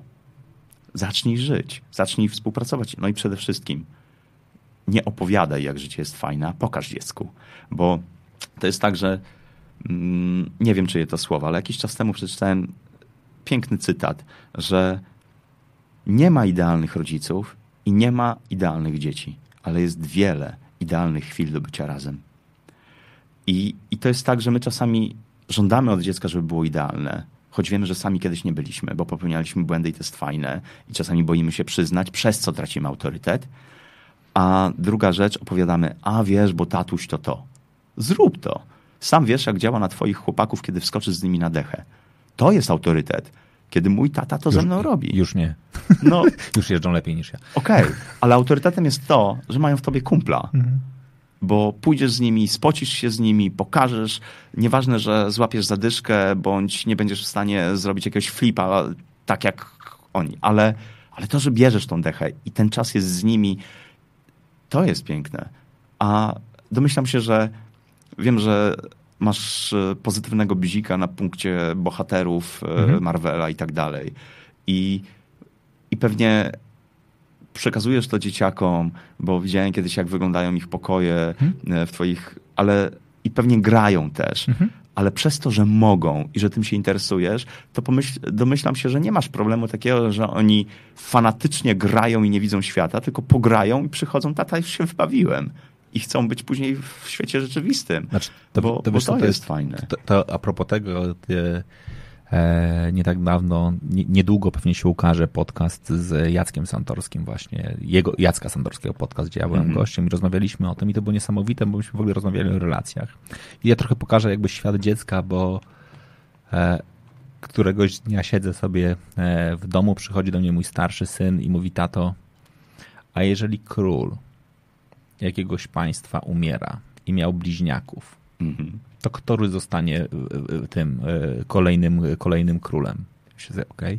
Jest jakaś, jest jakaś ważna rzecz, tak? Ja myślę sobie, dobra, wytłumaczę mu to, wytłumaczę mu to na poziomie relacji. Mówi, widzisz, synku, bo od zawsze dotknąłeś jednego z najtrudniejszych w ogóle momentów. We wszystkich historiach jakby walki między braćmi o władzę są bardzo ważne. Mm. Już tam nie chciałem sięgnąć do Kaina i Jabla, bo to byłoby zbyt trudne. Myślę sobie, wezmę coś prostszego, mówię, zobacz, na przykład taki Loki i Thor on tak patrzy na mnie. Już wszystko wiem. Nie. Loki jest adoptowany. ja mówię, no dobra, synku, ale dalej jest, syn, jest synem Odyna i w ogóle w związku z tym powinniśmy jakby ten. I on, i on i, to, i naprawdę, momentalnie. Bo to jest jego historia. To, to, jest jego historia. Myśmy, myślę sobie, że w jakieś cztery minuty wyjaśnili wszystkie historie. Oczywiście okazało się, że później chodziło o Panterę i o tym jakby, to, to, kto będzie dalej jakby e, rządził jakby krainą. I to było niesamowite. I ja sobie pomyślałem, kurczę, znaczy mógłbym mu naprawdę to tłumaczyć w swoim świecie i pewnie byśmy do dziś siedzieli i on by dubał w nosie, był znudzony, ale wystarczyło Albo by powiedział, daj sobie spokój. Daj sobie spokój, chcę nie, chcę cię słuchać, ale byliśmy w stanie tam, te, tam zejść i gdzieś tam byliśmy sobie w stanie z, z tym dokładnie jakby e, pracować. E, Marzyna ci napisała, gdyby, gdyby tyle empatii było, e, tyle, gdyby tyle empatii, co w tobie było w rodzicach oraz w nauczycielach, świat byłby piękny. Mhm. Znaczy, że mam takie przekonanie. Faktycznie tak jest. I to jest trochę moje pytanie, bo jak ty to robisz? bo ty powiedziałeś trochę, że ty zacząłeś pisać książki w momencie, w którym pomyślałeś sobie, dobra, zacznę pracować ze swoimi dziećmi. Znaczy napiszę, pierwszą książkę napisałeś dla swoich, dla swoich dzieci. Tak, one, znaczy nawet nie było takiego przemyślanego planu, bo to było tak, że po wizycie w zoo, ja tę historię wiele razy w różnych miejscach opowiadałem, po wizycie w zoo Matylda, ja wtedy pracowałem w teatrze jeszcze intensywnie, Matylda powiedziała wieczorem, kiedy zasypialiśmy, mówi tata, mm, czy możesz mi opowiedzieć, e, znaczy nie, byłem, nie mogłem być przy zasypianu, ona mówi, tata opowiedz mi bajeczkę jakąś e, o zwierzakach. mówię, Matylda, nie mogę, muszę iść do teatru na spektakl e, wieczornym. Kiedy ona zasypiała, ja, ja wychodziłem do pracy i ja mówię, ale wiesz co, jak wrócę, to ci jakąś bajeczkę tam napiszę. Tak, rzuciłem. I jak to dziecko, dzieci nie wybaczają. Na drugi dzień paluch w brzuchu mi, tata napisałeś? I ja mówię, wiesz co, nie, bo musiałem być w teatrze. I to, to było przełomowe, to musiałem być. Tak mi zagrało, że pomimo, że kocham być na scenie. Bo Ty no dalej jesteś. No tak, ale takiej nawet teatralnej, kreując świat dla ludzi, mm, to, to musiałem być, tak mi zagrało, że mówię, kurczę, chyba nie chcę musieć. I wtedy zrozumiałem też pierwszy raz odpowiedzialność e, taką do dziecka, żeby, żeby być, być dla nich. I wtedy napisałem faktycznie książkę odpowiadającą. Mm, tylko to nie było tak, że ona dopytywała nagle o tolerancję w wieku trzech lat. Ale pomyślałem, że to nie może być. Nie chcę napisać bajki o siedmiogłowych mrówkach i, i jakichś słoniach w szpilkach i tak dalej. Więc zebrałem wiedzę encyklopedyczną ze świata zwierząt. Tam jest prawie pół tysiąca ciekawostek o zwierzakach w tej pierwszej książce. I napisałem to w wierszach, ale tak, żeby były morały. I każda bajka ma dwojaki morał. Jeden to jest swoistego rodzaju taki manifest ochrony przyrody, a drugi właśnie każda bajka, podglądając wiedzę o zwierzakach, jest o czymś. I na przykład troska o dom jest na przykładzie zwierzaków zagrożonych żyjących w Polsce. Tam o rysiu, o niedźwiedziu, o foce i tak dalej. Jest bajka o tolerancji na przykładzie umaszczeń zwierząt. Albo o roztropności, takiej mądrości, że coś musi służyć czemuś, o tym, jak zwierzaki się ubierają, że jedne mają pióra, bo potrzebne im do tego, jakie rodzaje piór, jakie sierści i tak dalej, i tak dalej. I to było dla nich e, opowieścią. I później to też mi dało świadomość, że takie rzeczy trzeba dzieciom wyobrażać społecznie. I, i, i później dopiero zamarzyłem, okej, okay, mówię, no to chciałbym, żeby taki świat był fajny, lepszy ten projekt mnie też dużo nauczył. Można powiedzieć, że to było wariactwo, bo ja na książeczkę dla dzieci, można powiedzieć, wydałem dobrą kawalerkę w Warszawie. Ale to musiało być dla mnie. Ja wynająłem e, najlepszych lektorów, można powiedzieć, bo tam jest i Krystyna Czubówna, i Maciej Sztur, i Piotr Adamczyk, i wiele innych osób. Zatrudniłem zespół e, muzyczny gdzie skomponował mm, teatralny kompozytor Tomasz Filipczak aranże i tam są flety, skrzypce, fortepiany, perkusje, wszystko, żeby pięknie każda bajka była zagrana. Bo chciałem, to będzie dla mojego dziecka. I jak czułem, że to jest ważne społecznie, to, to mnie przekonywało, jak ważny w ogóle jest problem, bo ja nie zdawałem sobie sprawy. A kiedy czułem, że to jest ważne, bo idąc do kolejnych osób, dlaczego na początku, jak opowiadając o miejscu, gdzie jestem, mówiłem, że kampania przekroczyła kilka milionów złotych, jakbym chciał ją rynkowo nabyć, bo to było tak, że szedłem od jednego do drugiego, jednoosobowo, na przykład do Radia Z. I mówię, słuchajcie, chciałbym, mam taki projekt, chciałbym, żebyście byli patronatem medialnym oni słuchają o wartościach, o, o, których jest ta bajka i tak dalej. Mówi, dobra, wchodzimy w to. To może zróbmy tak, że skontaktuj nas z działem marketingowym swoim. Mówię, po co czekać? Jestem. I później szedłem do, do Cinema City. Do, I w końcu poszedłem, i to pamiętam, poszedłem we wtorek, mm, kiedy już miałem książkę przygotowaną do druku i w ciągu tygodnia musiała być zdana do druku, żeby się wyrobić. I poszedłem we wtorek do UNICEF-u, mhm. bo mówię, skoro to jest tak ważne społecznie, to chcę, żeby to też dzieciakom pomagało. Poszedłem do nich i przedstawiłem im projekt, że z każdej książki chciałbym dawać też na dzieciaki i chciałbym po prostu mieć ich logotyp. I słuchaj, to było dla mnie niewiarygodnie społecznie, tak uświadomiło mi, jak ważne to jest, e, właśnie jak ważne są to tematy. Oni mówią, ale my potrzebujemy trzy miesiące, żeby Genewa sprawdziła partnera, żeby nie nadszarpnąć e, wizerunku całego. Mhm. A ja mówię, ja to zostawię, tak. I oni w czwartek, po dwóch dniach zadzwonili, wchodzimy w temat. I, i na pierwszej książce jest logo UNICEF-u. I, I, każda książka to jest złotówka na UNICEF. Mm, więc to są rzeczy takie, które mi uświadomiły, że to społecznie jest ważne. I skąd empatia i skąd takie rzeczy? Młodzież mi to zadaje. Czy pan zawsze tak by e, miał?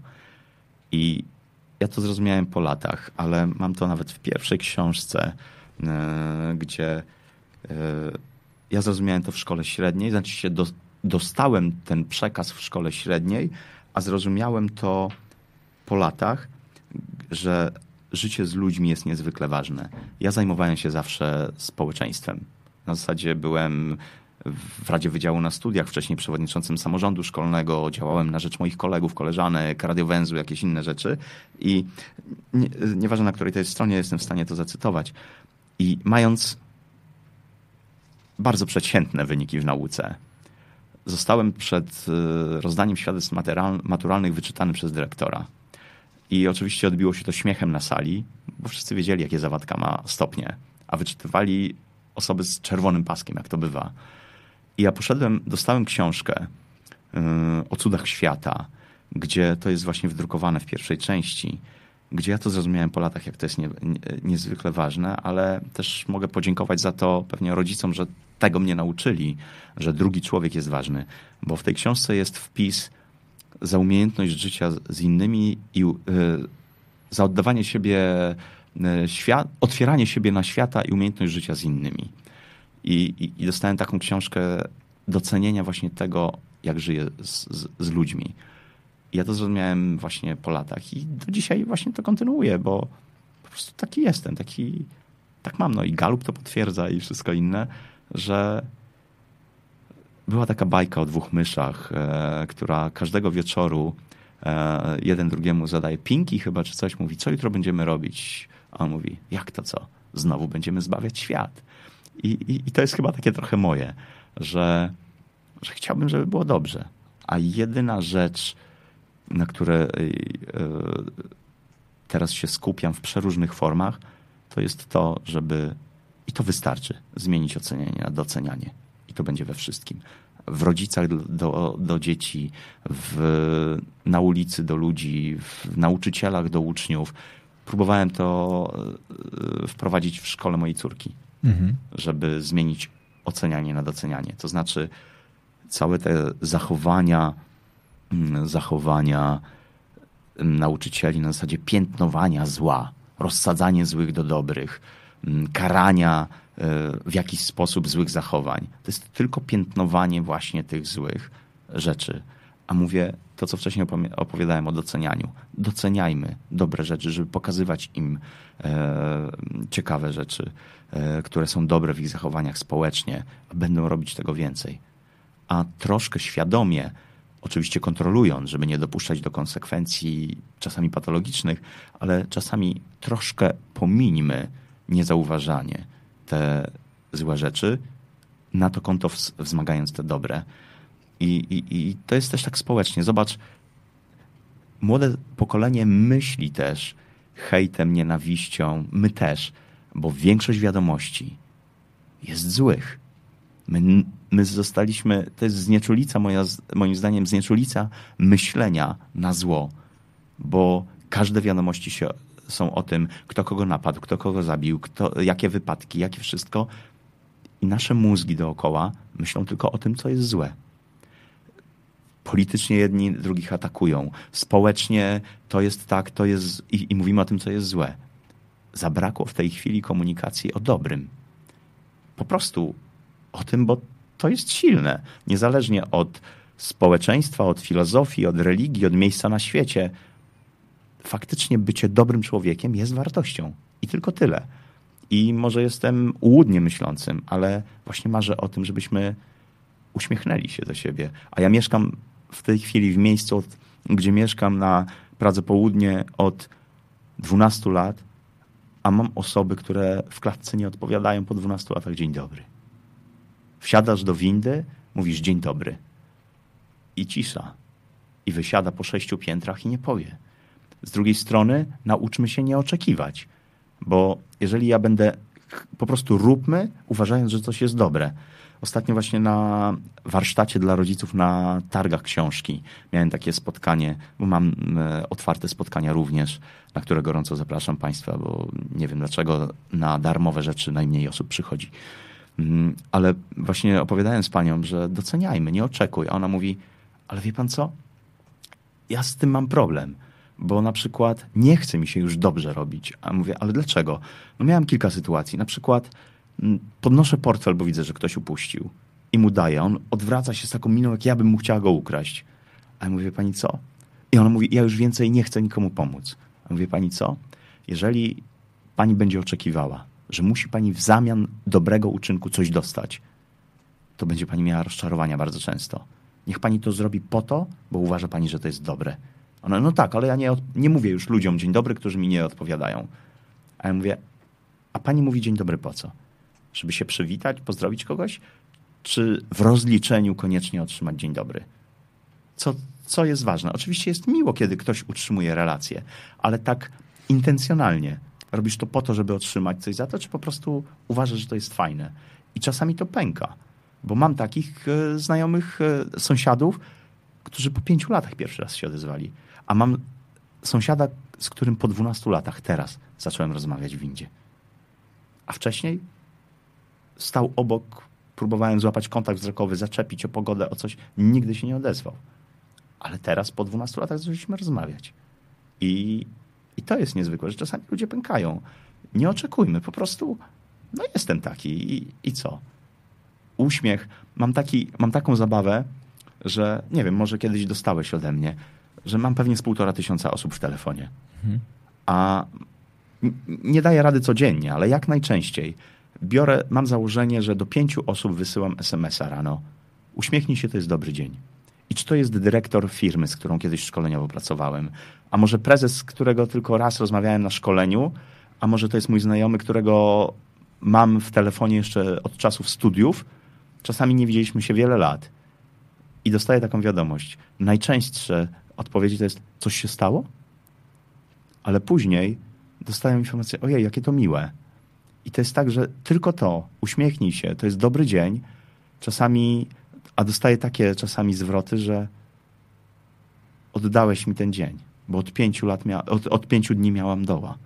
I mówi, to mi zamknęło wszystko. Taki banał, po prostu uśmiechnij się. I ostatnio wrzuciłem taki post właśnie, pięć razy dziennie doceń kogoś, pięć razy cennie do, e, dziennie doceń siebie, pięć razy dziennie doceń świat, w którym żyjesz, a za 30 dni obudzisz się w nowym świecie. I tak to działa. Po prostu bez takiego oceniania, bez pretensjonalności, porównywania się. Róbmy dobrą robotę, bo, bo fajnie jest razem. To, co mówisz, relacje są we wszystkim. I to nie jest tak, a to nie jest tak łatwo, bo w biznesie, bo w tym, a, a w życiu tyle że osób jest niemiłych ale jest tyle niemiłych, bo mamy takie no, nastawienie. I jestem bardzo, bardzo oddany słowom Einsteina: zmień sposób widzenia świata, a świat wokół ciebie się zmieni. I to jest chyba jedna z moich większych e, wykładni. Od czasów, kiedy zafascynowałem się mózgiem, w drugiej klasie szkoły średniej byłem pierwszy raz na kursie mnemoniki, technik zapamiętywania, mm, tam robienia jakichś pierwszych wizualizacji na zasadzie skupiania się na tym, co faktycznie jest dla ciebie ważne, robienia planu, ale też takich afirmacji. Mm, od drugiej klasy szkoły średniej, ponad 25 lat, za każdym razem, jak ktoś się mnie pyta, Michał, co tam u ciebie? To jest dla mnie jak mantra, odpowiadam coraz lepiej. I bardzo często słyszę, a co źle było? Co się wydarzyło? Nic. Nic. Po prostu jest coraz lepiej. Bo my często interpretujemy rzeczy w tym momencie, nie puszczając ich, właśnie nie akceptując. Mówimy, a to jest złe i złe. A sam wiesz, że wiele razy, sam pamiętam, jak opowiadałeś o tym chyba mm, na scenie, jak e, związkowe rzeczy czasami po latach się okazują, że o to dobrze, że się coś rozchrzaniło. Mhm. Bo, bo tak jest, że no nie wiemy, czy to jest dobre, czy złe. Ale jeżeli przyzwolimy sobie, że okej, okay, tak jest, to przychodzi po prostu akceptacja taka. Ja, ja też wychodzę ze sztuk walki od początków lat y, mojej sz, y, szkoły podstawowej. osadziłem się w filozofii Dalekiego Wschodu i ta akceptacja jest mi bliska. Takie po prostu, to jest takie trochę chińskie, chcesz być szczęśliwy, to bądź. Bo młodzi teraz mnie pytają, panie Michale, i to jest właśnie tym odniesieniem osadzenia się w akceptacji. Często młodzi ludzie po spotkaniach mnie pytają, panie Michale, nie mogę znaleźć czegoś, co uczyni mnie szczęśliwym. A ja mówię, nie znajdziesz. Jeżeli ty szukasz czegoś materialnego, co uczyni cię szczęśliwym, to nigdy nie będziesz. Postanów, że jesteś szczęśliwy, a wszystko będzie dla ciebie szczęściem. Na zasadzie wszystko będziesz w stanie akceptował, cieszył się tym, doceniał. I to nie jest kwestia tego, że jak osiągnę coś, to będę szczęśliwy. To może przynieść ci radość, to może przynieść ci spełnienie, ale nie szczęście. Mam ktoś y, ostatnio na szkoleniu dla dorosłych, które prowadziłem, mówi, a my się wyprowadzamy, żeby poszukać trochę szczęśliwszego miejsca. Wy nie znajdziecie. Jeżeli swój sposób myślenia weźmiesz do plecaka, tam będziesz tak samo nieszczęśliwy jak tutaj. To jest kwestia pewnego rodzaju, no mówię, uznania i kreowania tego, że okej, okay, tak jest. I o tym jest, są moje książki, o tym są moje warsztaty, o tym są moje konferencje. Po prostu o docenianiu. I to nie jest tak, bo ktoś mi powiedział, a, bo taka ciepła klucha jesteś. Może jestem, ale jestem z tym szczęśliwy. I w tej chwili tysiące osób, różnych moich publikacji, w tej chwili wśród moich słuchaczy, czytelników jest już ponad, i z tego jestem dumny, bo parę lat temu mówili mi, że nikt nie wejdzie w rynek książki dziecięcej, a w tej chwili mam ponad 200 tysięcy egzemplarzy wśród ludzi. I, I to jest niebywałe, że jednak ludzie zwracają się, piszą coraz bardziej i gorąco wierzę w to, że też wpłynę i na edukację polską. Tylko tym, żeby, że mówię o tym, że warto siebie szanować. I, i, i chyba, i chyba to tyle. Jesus. Ja mam tutaj kilka e, rzeczy, na, przykład Agnieszka, która ma taką etykietę lider wśród fanów u mnie, mm -hmm. napisała Wojtek, e, rzadko kiedy tak mało mówisz w swoich wywiadach, cudownie patrzeć, jak słuchasz urzeczony mądrością Michała. To prawda. Ja uwielbiam ciebie słuchać w ogóle, jakby już tam pomijając fakt, że faktycznie jakby E, uwielbiam, jak się bawisz słowem. Ty, ty, ty faktycznie, ty, dobrze, że na początku to w ogóle powiedziałeś, że ty jesteś powarczytem słowa, bo jesteś jednym z tych ludzi, którzy pracują słowem i naprawdę umieją to robić, a po prostu jesteś kosmicznie mądry. Za co cię e, szczerze po polsku nienawidzę. E, uwielbiam to. Mój trzylatek e, lubi machać do kierowców, którzy nas puszczają na pasach. Jak ktoś mu od, odmacha, to woła radosny, mamo, zrobiłem mu dzień dobry. To jest piękne, napisała Piękne. Małgosia. Przepiękne. Znaczy ja w ogóle, wiesz co, jakby ja sobie myślę, że z, z, ja bym, w, w, w, czy zrobiłem mu dobry dzień. E, faktycznie ja uważam, to jest faktycznie jeden chyba z dwóch moich ulubionych e, hashtagów e, na Instagramie. To jest fantastycznego dnia i made my day, czy też zrobiło mi mm -hmm. dzień. E, to jest w ogóle ciekawe, wiesz, jak jak pracuję z ludźmi w sprzedaży i obsłudze klienta, i oni trochę mnie pytają na przykład o standardy. Ja nienawidzę pracować na standardach, niestety. Ja zawsze mówię, pracuj tak, żeby faktycznie człowiek, który wychodzi od ciebie, mógł powiedzieć, że mu zrobiłeś dzień, koniec. Znaczy, to jest, to jest jedyny standard obsługi klienta, jaki jest. To jest po prostu zrób wszystko, żeby człowiek wyszedł i powiedział, ok, ta relacja zrobiła mi dzień. Bez względu na to, czy to będzie to, że przyniesiesz mu dodatkowy cukier do kawy, czy to będzie to, że się bardziej uśmiechnie, czy to będzie to, że go puścisz mm. przodem, na przykład widząc, że, że się śpieszy, cokolwiek, zarządź sytuacją. Znaczy myśl i zarządź sytuacją tak, żeby po prostu ludzie się od, od, od uśmiechnęli do ciebie i powiedzieli sobie, wow, to, to było fajne. To jest niezwykłe, ale my mamy z tym problem społeczny. Tam w, jak o emocjach rozmawialiśmy, tam było napisane, że ja na jednym z filmów uczę uśmiechać swoją córkę. To był film, który nagrałem na początku naszej tej przygody. I na tym filmiku widać też jej trochę skrępowanie. Bo to jest tak, że my czasami zjeżdżając z windą do lustra mówimy sobie mm, jesteś wspaniała. Ty, no, I ona powtarza. I, ja nie będę mówił, co ja sobie mówię do lustra, tak. ale faktycznie ja, ja do lustra Zwłaszcza, windzie... że często w windzie jesteś. Ja w windzie jestem zawsze i jak zauważyłeś, tak. jeżdżę sam, żeby dokładnie nie być tak. w sytuacji, że ktoś mi nie odpowie dzień dobry. Ale, ale ja z nią na tym filmiku mówię, stoję obok i mówię, Matylda, powtarzaj do mnie. Mówię, lubię siebie. Ona lubię siebie i widać w jej małych oczkach na początku skrępowanie. To był nasz początek tej przygody, ale jest tak, lubię siebie, szanuję siebie, doceniam siebie, mam prawo do błędu. Zadaję pytanie, najważniejsze słowo świata ona z naszych relacji odpowiada myśl. E, potem, że e, właśnie i, i, o błędach, o innych rzeczach i na końcu jestem wspaniała i ona przed tym tak się na początku waha.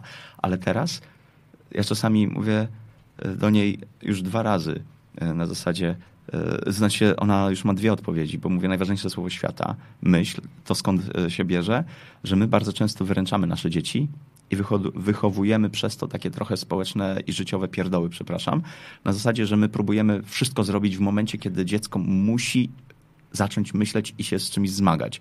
I ja moim dzieciakom od początku w zabawie pokazuję coś takiego, że mówi, tata, chodź, potrzebuję twojej pomocy. Ja oczywiście jestem w gotowości, ale od początku mówię, e, ich zacząłem uczyć, a jakie jest najważniejsze słowo świata? One na początku mówią, myśl, a ja mówię to, a powiedz mi, jak byśmy mogli to zrobić? Albo jak ten klocek możesz e, rozszczepić? I one od początku w takich zabawach zaczęły szukać. I teraz czasami, to jest już na odległość, mówię, tato, chodź, pomóż. A mówię, a jakie jest najważniejsze słowo świata? Ona, dobra, nie przychodź. Bo, bo, bo wie, że nie przyjdę, a za chwilę ja pytam, Matylda, Makary, co chcieliście? Już nic. Bo to jest piękna konfrontacja, że my. Ale to jest ładne, co powiedziałeś, wiesz, bo ty, bo żebyśmy to też dobrze zrozumieli, to nie jest sposób na to, żeby. Spada i nie mam Spada czasu. i nie ma czasu na lenistwo. Nie, tylko zmierz się tylko z tym. zmierz się z tym i, i wróć, okej, okay, co jeszcze, czy, czy, dalej, czy dalej ta sprawa jest aktualna. Tak, i ja za chwilę mówię, co tam? Potrzebujecie? Nie, już nie. Ogarnęliśmy. I to jest ważne. I, i między innymi tam najważniejsze słowo świata myśl. Z drugiej strony e, uczę, bo też bywa na moich warsztatach, zwłaszcza Matyldę, która już ma 10 lat, mówię najważniejsze, kto jest dla ciebie najważniejszy w życiu. I choć wiem, że relacyjnie rodzice są dla niej niezwykle ważni, ale przez odpowiedzialność w jej zakresie lat 10 ona nauczyła się odpowiadać ja. Ale nie to, że samolubnie, ale ja, że czasami biorę odpowiedzialność za siebie. Jak ona czasami nie odrabia pracy domowej, to z Gosią rano jej tłumaczymy, okej, okay, pójdź z nieodrobioną. Ale tak, będziesz miała nieprzygotowanie. To nie jest paniczne, że musisz być idealna, ja cię dopieszczę. Ja zrobię wszystko za ciebie, żebyś tylko fajnie wypadła. Zmierz się z tym. Zobacz jak. I, i wystawiam ją czasami na takie konfrontacje. Ona przychodzi i i mówi, byłam nie, nieprzygotowana. A mówię, okej, okay, znasz konsekwencje. I to nie jest tak, że a to masz, po, podłóż się, ale poznaj, że ja nie, nie wypełnię wszystkiego za ciebie. To jestem ja odpowiedzialna na zasadzie, okay, miałaś jakieś zadanie do wykonania. I, I zobacz, oczywiście pomagam im, uwielbiam. One mogą liczyć na mnie we wszystkim. Tylko to jest taki syndrom trochę plastikowego placu zabaw, że my dzisiaj wszystko dzieciom próbujemy zrobić miękkie, w ochraniaczach, plastikowe, a później idą e, na nasz plac zabaw. Ten, który kiedyś mieliśmy. Jest problem, bo się zetrze kolano. Nie. I to jest to, o czym mówiłem wcześniej, też o świadomości takiej dziecka, że ostatnio pisałem taki artykuł na, przed wakacjami do, do, do sieci, że czy to jak uczyć, jak rozmawiać z dzieckiem, kiedy przychodzi i mówi, że chce wyjechać. To ja mówię pierwsze co, kiedy cię zaskakuje, że dziecko ci mówi, że chce wyjechać, to znaczy, że już nie odrobiłeś pracy domowej, bo nie wiedziałeś, że w ogóle ma takie plany, że, nie jest, że jest na to już gotowe. I tam pytali mnie w tej rozmowie, no tak, a co mu powiedzieć przed wyjazdem o seksie? Jeżeli ma kilkanaście lat i domyślasz się, że już to jest etap, a jeszcze z nim nie rozmawiałeś, to już znaczy się nie odrobiłeś pracy domowej to jest tak, że czasami mówić e, o rzeczach naturalnych w sposób naturalny i rozmawiać dużo wcześniej. Tylko czasami, czasami, często spotykam się z tym, bo z dzieckiem nie wypada o pieniądzach, o seksie, o czasami jakichś rzeczach złych w społeczeństwie, o atakach, o molestowaniach. A mówię, właśnie, to nie jest o narkotykach. To jest tak, że jeżeli dziecko wzmacniasz jako partnera, jako człowieka swojego, rozmawiasz z nim i mu pokazujesz, że tak jest, i on poznaje wcześniej konsekwencje różnych rzeczy, to jest tak, że kiedy się z tym zderzy, to będzie umiał na to zareagować. A nie tak, że on pierwszy raz się spotyka i ja nie mówię, że on nie spróbuje czegoś, ale będzie umiał e, się do tego odnieść i będzie wiedział, jak on w tym jest ważny. A jeżeli spotykam, przed wakacjami często miałem na spotkaniach z rodzicami, wie pan, jak rozmawiać z nimi, powiedzieć, że, że, że seksualnie to może coś się wydarzyć albo coś. A mówię, jeżeli on ma 15-16 lat i go gdziekolwiek puszczacie i pierwszy raz z nim rozmawiacie o sytuacji ciała, zbliżeń, to to jest moim zdaniem już za późno. Zwłaszcza, że on bardzo dużo złej wiedzy już ma. już ma. I, I to jest niezwykłe, że ktoś mówi, a to kiedy rozmawiać? Ja na przykład, Matylda ma 10 lat i już przynosi, to jest czwarta klasa. I to jest tak, że byłem ostatnio w szkole, zaraz wrócę do rozmów z Matyldą na przykład, bądź z dziesięciolatkami, ale ostatnio prowadziłem w bardzo dobrej szkole, pewnie w jednej z najdroższych szkół w Polsce, warsztaty i od nauczycieli dowiedziałem się, że za zgodą rodziców i nauczycieli przyszedł do klasy, żeby pokazać rodzicom człowiek, który umie wejść w historię e, komputerową. Tak dokładnie, żeby sprawdzić. Okazało się, że czwar, czter, czwarto, czwartoklasiści, dla tych, którzy nie rozumieją bełkotu, chodzi o dzieci z czwartej klasy, mm, on sprawdził, że kilkukrotnie chłopcy z czwartej klasy dziennie wchodzą na strony mocno pornograficzne. A rodzice moje dzieci. Dlaczego? Bo też nie mają świadomości i rozmów, bo mówi nie, to dzie dla dziecka za wcześnie. I teraz obserwując, co się dzieje u mojej córy w szkole i syna, chodzą do jednej, na korytarzach słyszę, jak totalnie zaabsorbowane absorbowane są dzieci słowem o cielesności, bo to jest ta czwarta, piąta, szósta mhm. klasa, wiadomo, hormony buzują. I dla mnie z obserwacji, jak nienormalne dla nich jest, jak usłyszą słowo na przykład biust albo penis. To jest niezwykle wydarzenie. A dla mnie to jest normalne, biologiczna, normalna biologiczna nazwa. Biustu, piersi, penisa, moszny. I, I można powiedzieć, o matko, o czym on rozmawia. Ale to jest tak, że a jak mówimy, to my nadajemy znowu cechę tym rzeczom. A jak mówimy do kogoś gałka oczna, ucho, nos i mamy też inne części ciała. Jak to, się, to jest normalne w rozmowie dla dziecka, że po prostu ma. Ma piersi, że kobieta ma a zwłaszcza, że w czwartej klasie w podstawówce, w tej chwili, jak czytałem u dziecku, u, u Matyldy, bo jakby czasami treścią się interesuje, i ona w czwartej klasie na przyrodzie.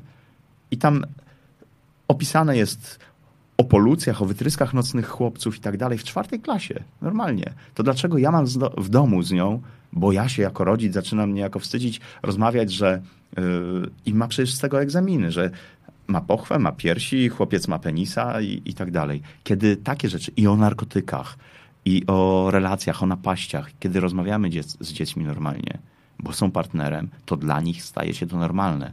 A jeżeli my wszystko chowamy i zamiatamy pod dywan, bo ja się wstydzę, wstyd ja nadaję tym rzeczom jako rodzic. I w tym jest też świadomość. Odwaga po prostu rozmawiać o rzeczach normalnych. I to nie chodzi o matko, niebo, dziecko ono dzisiaj niestety jest narażone jeszcze więcej na zderzenie się z tym. A kiedy dostanie od nas dobrą rzecz, dlaczego na przykład cielesność jest ważna, dlaczego w relacjach to jest wspaniałe i piękne, że o matko, nie, ja dorosły tego nie robię. Nie, nie, ja nawet się nie przytulam z mamą. Nie, bo nie, nie powiem o związkach. Oczywiście nie mówię, że wszystko ma być w wieku 7, 6, 10 lat, ale dostosujmy to.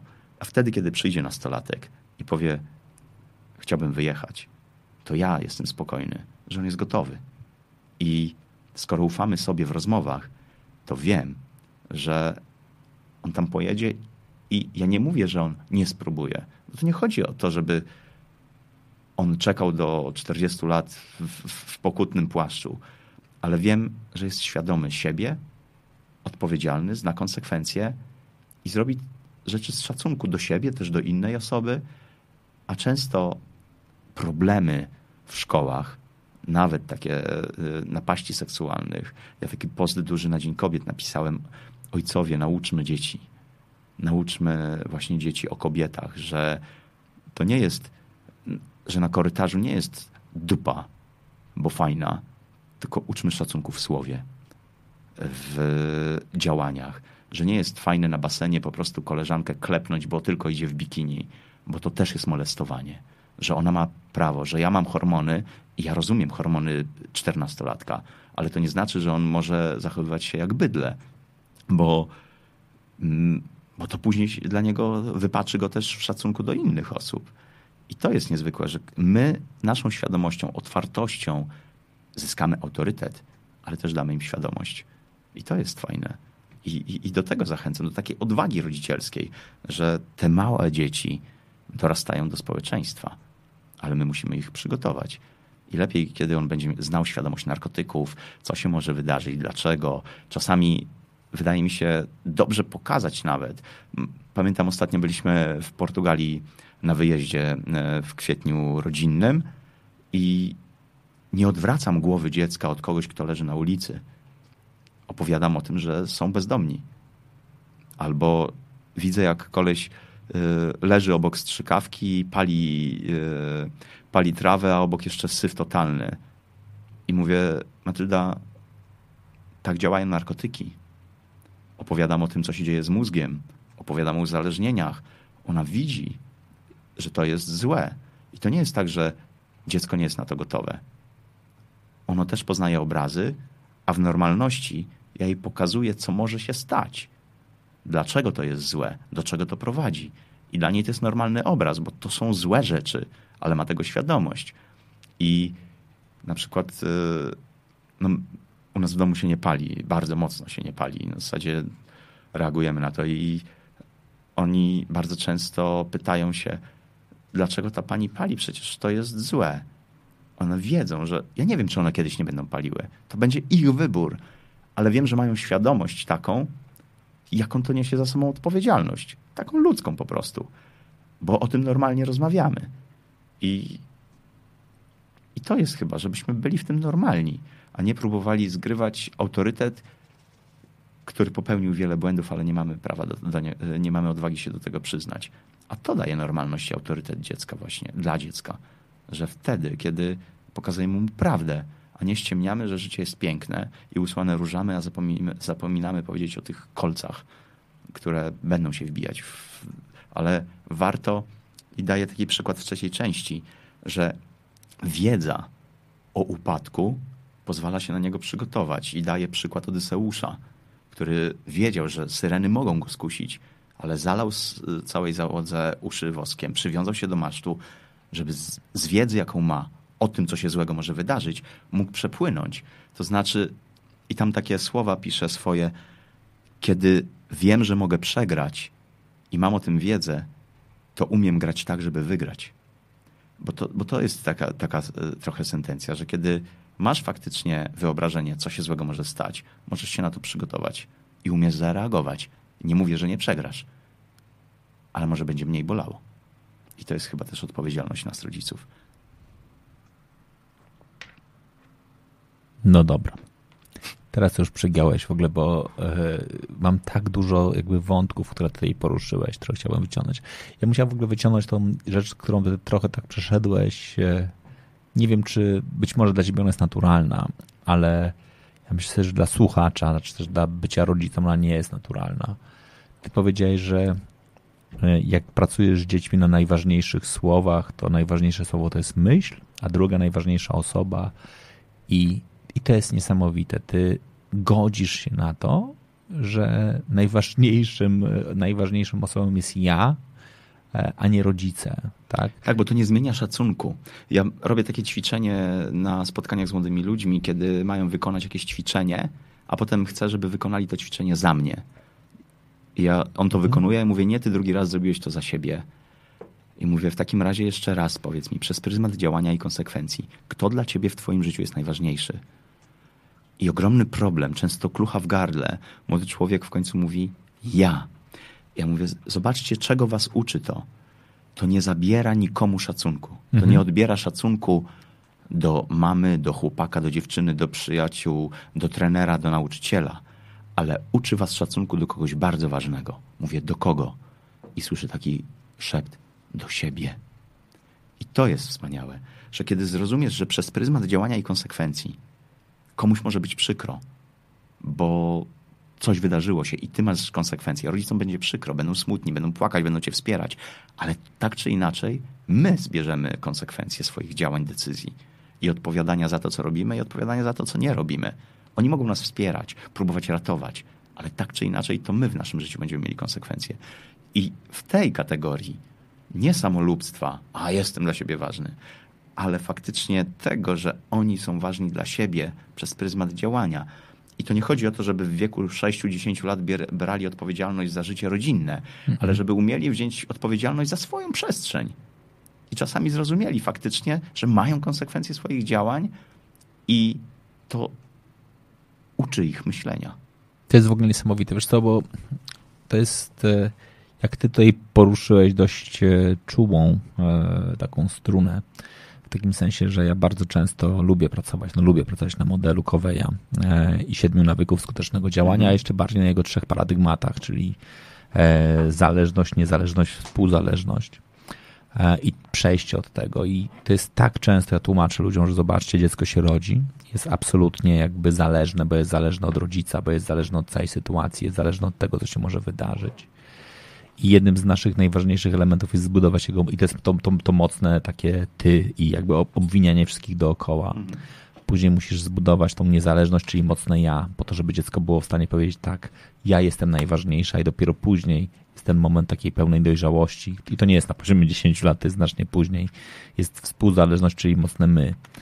E, I, I, na poziomie jakby rodziców jesteś jednym, moim zdaniem, dla mnie do tej pory pewnie z niewielu osób, które absolutnie to rozumieją. Tak? Znaczy, że jest ten moment, kiedy rodzicielsko musisz wyjść z zależności, czyli faktycznie z brania przez ciebie odpowiedzialności mhm. za dziecko, właśnie chronienia go, jakby tego wszystkiego mówienia, ja jestem, i to są często dobre intencje, no bo trzeba sobie powiedzieć, znaczy my często budujemy ten taki ograniczony świat dla, dla naszych dzieci, bo chcemy, żeby im było dobrze. Tylko to, co ty powiedziałeś, oni później z tej bańki, któregoś pięknego dnia, to jest, to, to zawsze będą wyobrazić sobie dziecko, które dokładnie trzymasz takie owinięte folią bąbelkową, tak? I nagle mówisz, dobra, już jesteś wystarczająco duży, otworzę cię i on wchodzi do tego świata, który jest absolutnie i jest strasznie się obija, tak? mhm. tak? I on dostaje takie ciosy e, od rzeczywistości, z którymi nie jest w stanie sobie poradzić. Ty mówisz, dobra, to, to, e, to budujemy i ty mówisz bardzo ważną rzecz, że to że to tobie nic nie zabiera.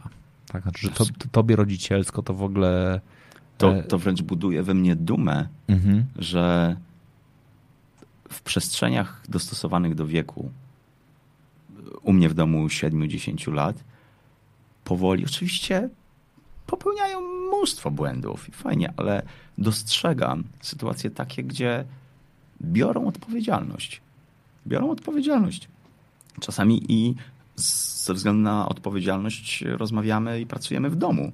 Mhm. Na zasadzie to nie chodzi o to, żeby dziecko cały czas wyręczać, bo takie rodzicielskie nie jest niezwykle ważne, bo rozmawiamy, że tworzymy razem tą rodzinę, więc zaangażujcie się w naszą przestrzeń razem.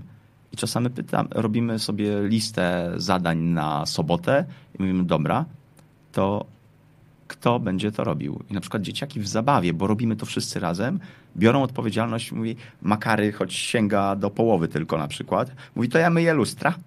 No nie? I, się, i, i on sobie szoruje. I później rozmawiamy, jak fajnie, że za, wzięli odpowiedzialność za, za nasz dom. Za to, on mówi, ja myję podłogi. I, czekaj, czekaj, czekaj, ale teraz... I to jest i teraz rzecz. Nie, bo ja muszę się tutaj zatrzymać. A, bo wiesz, co jest największym problemem dla większości domów. Jakby dokładnie przysłowiowy Makary, w tym przypadku bardzo konkretny Makary, powiedział ja myję lustra, to dla większości rodziców pojawia się natychmiast lamka pod tym matko, będę musiał o, o matko będę musiał poprawiać. Przecież nie, nie dość, że zrobi to do połowy, to, to jeszcze pomarze. A z perspektywy dziecka to jest po prostu jego chęć znalezienia wspaniałe. obszaru. Jest wspaniałe. Ile razy się zdarzyło, że wypakowując zmywarkę, później musiałem odkurzać zbitą szklankę. Mhm. Ale to jest cudowne.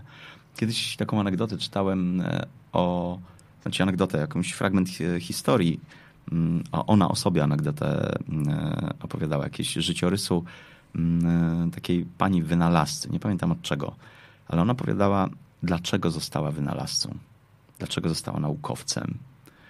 I mówi, że jak była małą dziewczynką, to mama poprosiła, piekła ciasto i poprosiła, żeby przyniosła mleko. I ona poszła do lodówki wyjęła butelkę z mlekiem i rozbiła ją. A mama przyszła i powiedziała: Zobacz, jak pięknie możemy się tym pobawić. I zaczęły mazać tym mlekiem po podłodze, i jak skończyły, powiedziała: Czym możesz teraz to posprzątać? A kiedy sprzątnęła, powiedziała: Weź drugą butelkę, chodź na dwór i nauczymy się, jak nosić, żebyś nie upuściła. I mówi, to była historia, która nauczyła mnie, że z, każdej, z każdego błędu mogę wyciągnąć coś dobrego, że może być to dla mnie lekcja, a później mogę się nauczyć, jak robić to poprawnie. Przez co? Że będę miał dobre pytanie, czego ta sytuacja cię nauczyła? Jak możesz działać inaczej?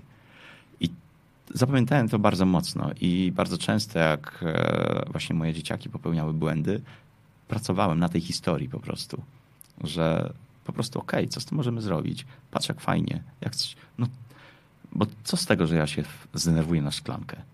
Hmm, nic, ale co z tego mogę wyjąć? No chyba, że jest to szklanka I... z tego sklepu, co ta, nie, no można, nawet, nie, nie można dzisiaj ta. szklanek mieć już w domu. Jak ktoś ma, to powinien teraz wszystkie stłuc i wyrzucić. Tak. Więc y, to, są, to, to jest piękne, że co pozwala mi pracę na, na błędach? Że dowiem się, że to mnie do, jakąś, do jakiegoś miejsca prowadzi. I, i, i, i stąd też bierze się później odpowiedzialność, że on umie pokonać yy, porażkę jakąś. I, I, to jest taki temat, no właśnie, bo rodzice mówią, a bo, bo moje jest mojsze. Dajmy im przestrzeń. Jest taki piękny obrazek, mem, choć wolę czasy, kiedy opowiadaliśmy sobie dowcipy niż e, opowiadaliśmy memy, ale mem jeden ostatnio gdzieś trafił przed moje oczy, gdzie jest, są dwie kobiety i dwoje dzieci. Jedna trzyma hmm. dziecko za rękę, a druga coś skacze Uwielbiam. gdzieś i mówi jak ty robisz, że ona tak odważnie robi rzeczy. Jak, tak. jak, ty, jak ty robisz, że twoja córka jest taka samodzielna? Tak, ono pozwalam jej. Wrzucimy wam teraz w komentarzach, to jest Ania. Ania jest bardzo dobrym coachem. I, i, i, i no właśnie, nie, nie, nie wiem, ale mówię, że to są piękne rzeczy i właśnie pozwalam jej. I to jest to, pozwól dziecku żyć. Bądź z tyłu, ale nie wyręczaj. Bądź gotowy pomóc. Czasami bądź gotowy złapać, ale czasami pozwól się przewrócić. I, i, i pewnie to nauczy ich więcej świadomości, odpowiedzialności, chęci działania, niż to, że powiemy, a nie mówiłem i więcej nie będzie chciało próbować, a, a nawet jak popełni błąd, to nie przyjdzie do nas. Ani teraz, ani mając 15 lat, kiedy zrobi błąd, albo rozstanie się z dziewczyną, albo e, wydarzy się coś, czego nie przewidział, bo nie miał jeszcze takiej wiedzy, e, to, to, to stracimy z nimi relacje. I to, to, to, co mi się wymknęło teraz e, w głowę, jest niezwykle cenne. Bardzo dużo na moich spotkaniach z rodzicami jest takich relacji, gdzie wnioskuję, że rodzice obwiniają dzieci, że coś zrobiły nie tak. I też mój taki apel. Ani my dorośli, ani dzieciaki, ani nastolatkowie nie robią niczego złego dla siebie z intencji. My nie jesteśmy masochistami, że mówimy, a zrobię sobie źle. I nie rodzimy się złośliwymi małpami, że a to zrobię im na złość. A przeważnie jesteśmy źli, bo coś dzieci sobie zrobiły, że one wpakowały się w problemy. To chcę powiedzieć, że przeważnie w momencie podejmowania decyzji my mamy świadomość, że to jest dobra decyzja. I to, że my nie, czasami jako młodzi ludzie nie przewidujemy konsekwencji, to tylko dlatego, że jeszcze czegoś nie wiemy. Jeszcze czegoś nie rozumiemy. I mówiąc coś, że a zrobiłeś tak złośliwie i tak dalej, zastanów się, czego on nie miał, czego nie wiedział, że taką decyzję podjął, a nie dlatego, że obarczasz nagle w relacjach, że on zrobił coś przeciwko tobie. To jest tak samo jak w związkach jest, mm, że kiedy coś robimy, następuje problem, to z założenia jesteśmy razem, bo się kochamy. Więc z intencji, ja podejmując decyzję naszą, wpływającą na nasz związek, nie chcę źle, ale mhm. czasami wyślę, wyjdzie coś do dupy. I sytuacja wygląda tak, że kiedy jestem takim parasolem ponad wszystko, ponad błędy, które robimy relacyjne, jest to, że z założenia jesteśmy razem, bo nam zależy na wspólnym byciu i się szanujemy, to dużo łatwiej jest zaakceptować, że ktoś popełnił błąd, ale nie dlatego, bo nagle ma mnie gdzieś, nie kocha mnie, nienawidzi i robi mi na złość, tylko po prostu intencją wyjściową było to, chciałem dla nas dobrze, ale podjąłem faktycznie złą decyzję. Dzisiaj to wiem, ale dlatego, bo ją podjąłem. Ale nie podjąłem jej jako złej, po to, żeby coś przecież i mi, i tobie się przydarzyło. I to samo jest z dziećmi w tej relacji. Nikt nie podejmuje decyzji z intencji, zrobię sobie na złość. Znaczy, pewnie są tacy ludzie na świecie, którzy lubią jakby... Wąska grupa masochistów. Tak, mhm. dokładnie, ale z założenia nie jesteśmy masochistami. I żebyśmy zdali sobie w relacji z dziećmi, kiedy następuje sytuacja, w która nas wkurza. To jest normalne, że my też możemy mieć złe emocje. Yy, trudne, przepraszam. To, ale z intencji. One nie, nie, to też jest znowu, jak my to interpretujemy. chcemy, żeby dzieciaki było, było dla nich dobrze, ale, ale czasami niech, niech się sparzą i porozmawiajmy, co z tego możemy wyciągnąć, tak jak z tego zbitego mleka. I, i, i, i tyle. Ty powiedziałeś w pewnym momencie, że e, jak jest e, z kursem na przykład jazdy samochodem, że się że nie uczymy, znaczy nie rodzimy się z umiejętnością jazdy samochodem, że w którymś momencie uznajemy, że ona jest potrzebna i się po prostu idziemy na kurs, mhm. uczymy. E, to ja pewnie powiem bardzo ważną rzecz. Większość z nas nie rodzi się z umiejętnością bycia rodzicem. Mało tego, jest taki problem tylko, że rzadko kiedy dochodzimy do takiej refleksji pod tym, kurczę, muszę pójść na kurs bycia dobrym rodzicem. Nam się wydaje, że skoro sami jesteśmy dziećmi, czyli byśmy w odwrotnej relacji, to, to będziemy dobrym rodzicem. Ja zawsze przypomnę e, znowu tę taką metaforę sportową. To, że byłeś zawodnikiem danej dyscypliny nie oznacza, że będziesz trenerem dobrym. Mało tego, możesz być naprawdę najlepszym zawodnikiem na świecie i wcale nie oznacza, że będziesz dobrym trenerem, dopóki ktoś ci nie, uczy, nie nauczy tego, jak być dobrym trenerem i każdy ma potencjał, moim zdaniem, do tego, żeby jednakże nim być, tak samo jak każdy ma potencjał do tego, żeby być dobrym e, rodzicem.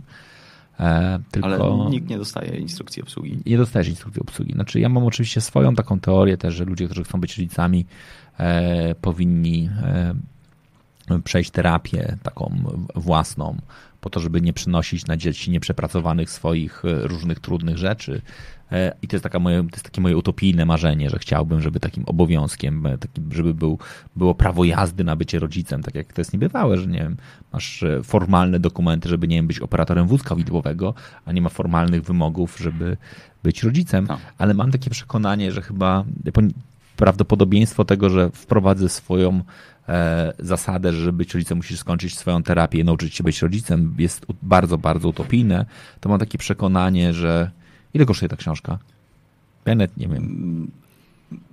W cenie pełnej empikowej no. to, to jest 44,90, ale 40... po 30 zł można kupić za dobrą kawę z ciastkiem. Już za 30 zł już, już e, można znaleźć na rynku. Dobra, cennikowa, cennikowa książka. No, trzy, trzy, na razie są trzy, trzy e, te, jak to się nazywa, trzy tomy. Mhm. E, nawet jakbyśmy policzyli 40 zł, e, to jest 120 zł. 120 zł warto naprawdę, ja jeszcze takie sobie bardziej pokażę, być może na zbliżeniu, e, warto poświęcić w tym okresie wakacyjnym. Naprawdę, bo to jest tak, że mamy przed sobą piękne, słoneczne miesiące, warto będąc rodzicem sobie po prostu się przygotować do tego, żeby e, usiąść, zainspirować. Bardzo często nawet będąc e, na wakacjach też wspólnych z dziećmi, być może już znajdziesz wtedy więcej czasu na to, żeby, wiele powodów do rozmów. żeby znaleźć dużo powodów do rozmów, e, porozmawiać, zobaczyć. Szczególnie też, że lato sprzyja emocjom. One oczywiście czasami są fajne, bo są pozytywne. Można rozmawiać o tym, co ci się podobało danego dnia, co dostrzegłeś co, co ci się najbardziej podobało, bo nam się wydaje, że poszliśmy dzieckom z dzieckiem na, nie wiem, zjeżdżalnie wodne i one tam są zachwycone tym, że zjeżdżały z najbardziej stromej zjeżdżalni. One mówią, że fajne było to, że ty też zjechałeś, tak? Mm -hmm. Nagle sobie mówisz, wow. E, czyli jestem jednakże takim bohaterem trochę, który się e, przekona, a może pokażą coś zupełnie innego. Mało tego, no lato w naturalny sposób też rodzi kilka wyzwań. E, ja kiedyś na przykład pojechałem do Jarocina, e, zostawiając rodzicom kartkę, właściwie mamie, bo tata był za granicą, zostawiając tylko kartkę na lodówce, pojechałem do Jarocina, wrócę za trzy dni. E, co nie było najłatwiejsze, biorąc pod uwagę, że nie było telefonów komórkowych. W związku z tym, jak mówisz, jak sobie radzić z nastolatkiem, który mówi, że wyjedzie, to moja mama nawet nie miała szansy na to, żeby zareagować, bo po prostu pojechałem. W związku z tym to są takie rzeczy, które gdzieś tam pewnie e, mogą nie, e, nie pomagać. Ja Ci bardzo dziękuję za tą rozmowę. Ja również. Zanim Cię stąd wypuszczę, ja chcę mieć obietnicę, że Ty jeszcze tutaj wrócisz. E, bo moim zdaniem sięgnęliśmy tylko wierzchołka góry lodowej e, relacji. Więc Bardzo chętnie. Musisz złożyć obietnicę i, i, że zrobisz to przed e, wydaniem jeszcze tego czwartego tomu, bo ja mam przekonanie, że jest o czym. To może jeszcze opowiem, jakby rodzice byli za, zainteresowani, że oprócz czwartej książki, czwartej części, kończę też taką bardzo warsztatową serię trzech książek i ona też wyjdzie w tym roku.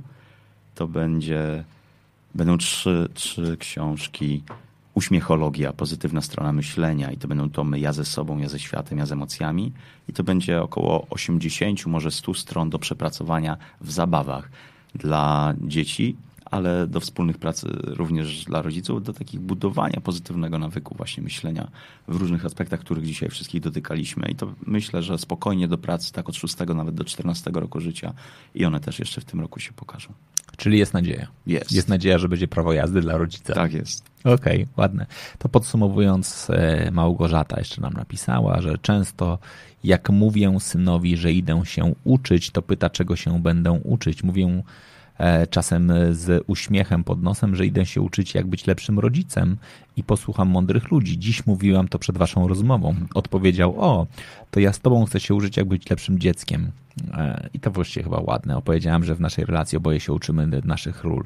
I to jest chyba faktycznie fajne, żeby mieć taką, Piękne. taką I to jest też taka fajna świadomość, którą można z, tej, z tego wpisu przekazać innym. No dobra, bardzo Ci dziękuję. Dziękuję Ci, że w ten e, ciepły, wakacyjny wieczór znalazłeś czas na to, żeby rozmawiać. E, a dla naszych słuchaczy, którzy słuchają te, tej audycji na tylko Facebooku, pamiętajcie o tym, że to jest też dobry moment na to, żeby udostępnić to znajomym, otagować znajomych, którzy też powinni posłuchać tej audycji, bo moim zdaniem było w niej bardzo dużo mądrych i wartościowych rzeczy, a że jak mawiają mądrzy ludzie, sharing is caring, to nie zostawiajcie tej wiedzy tylko dla siebie, tylko też zainspirujcie innych rodziców do tego, żeby być dobrymi rodzicami.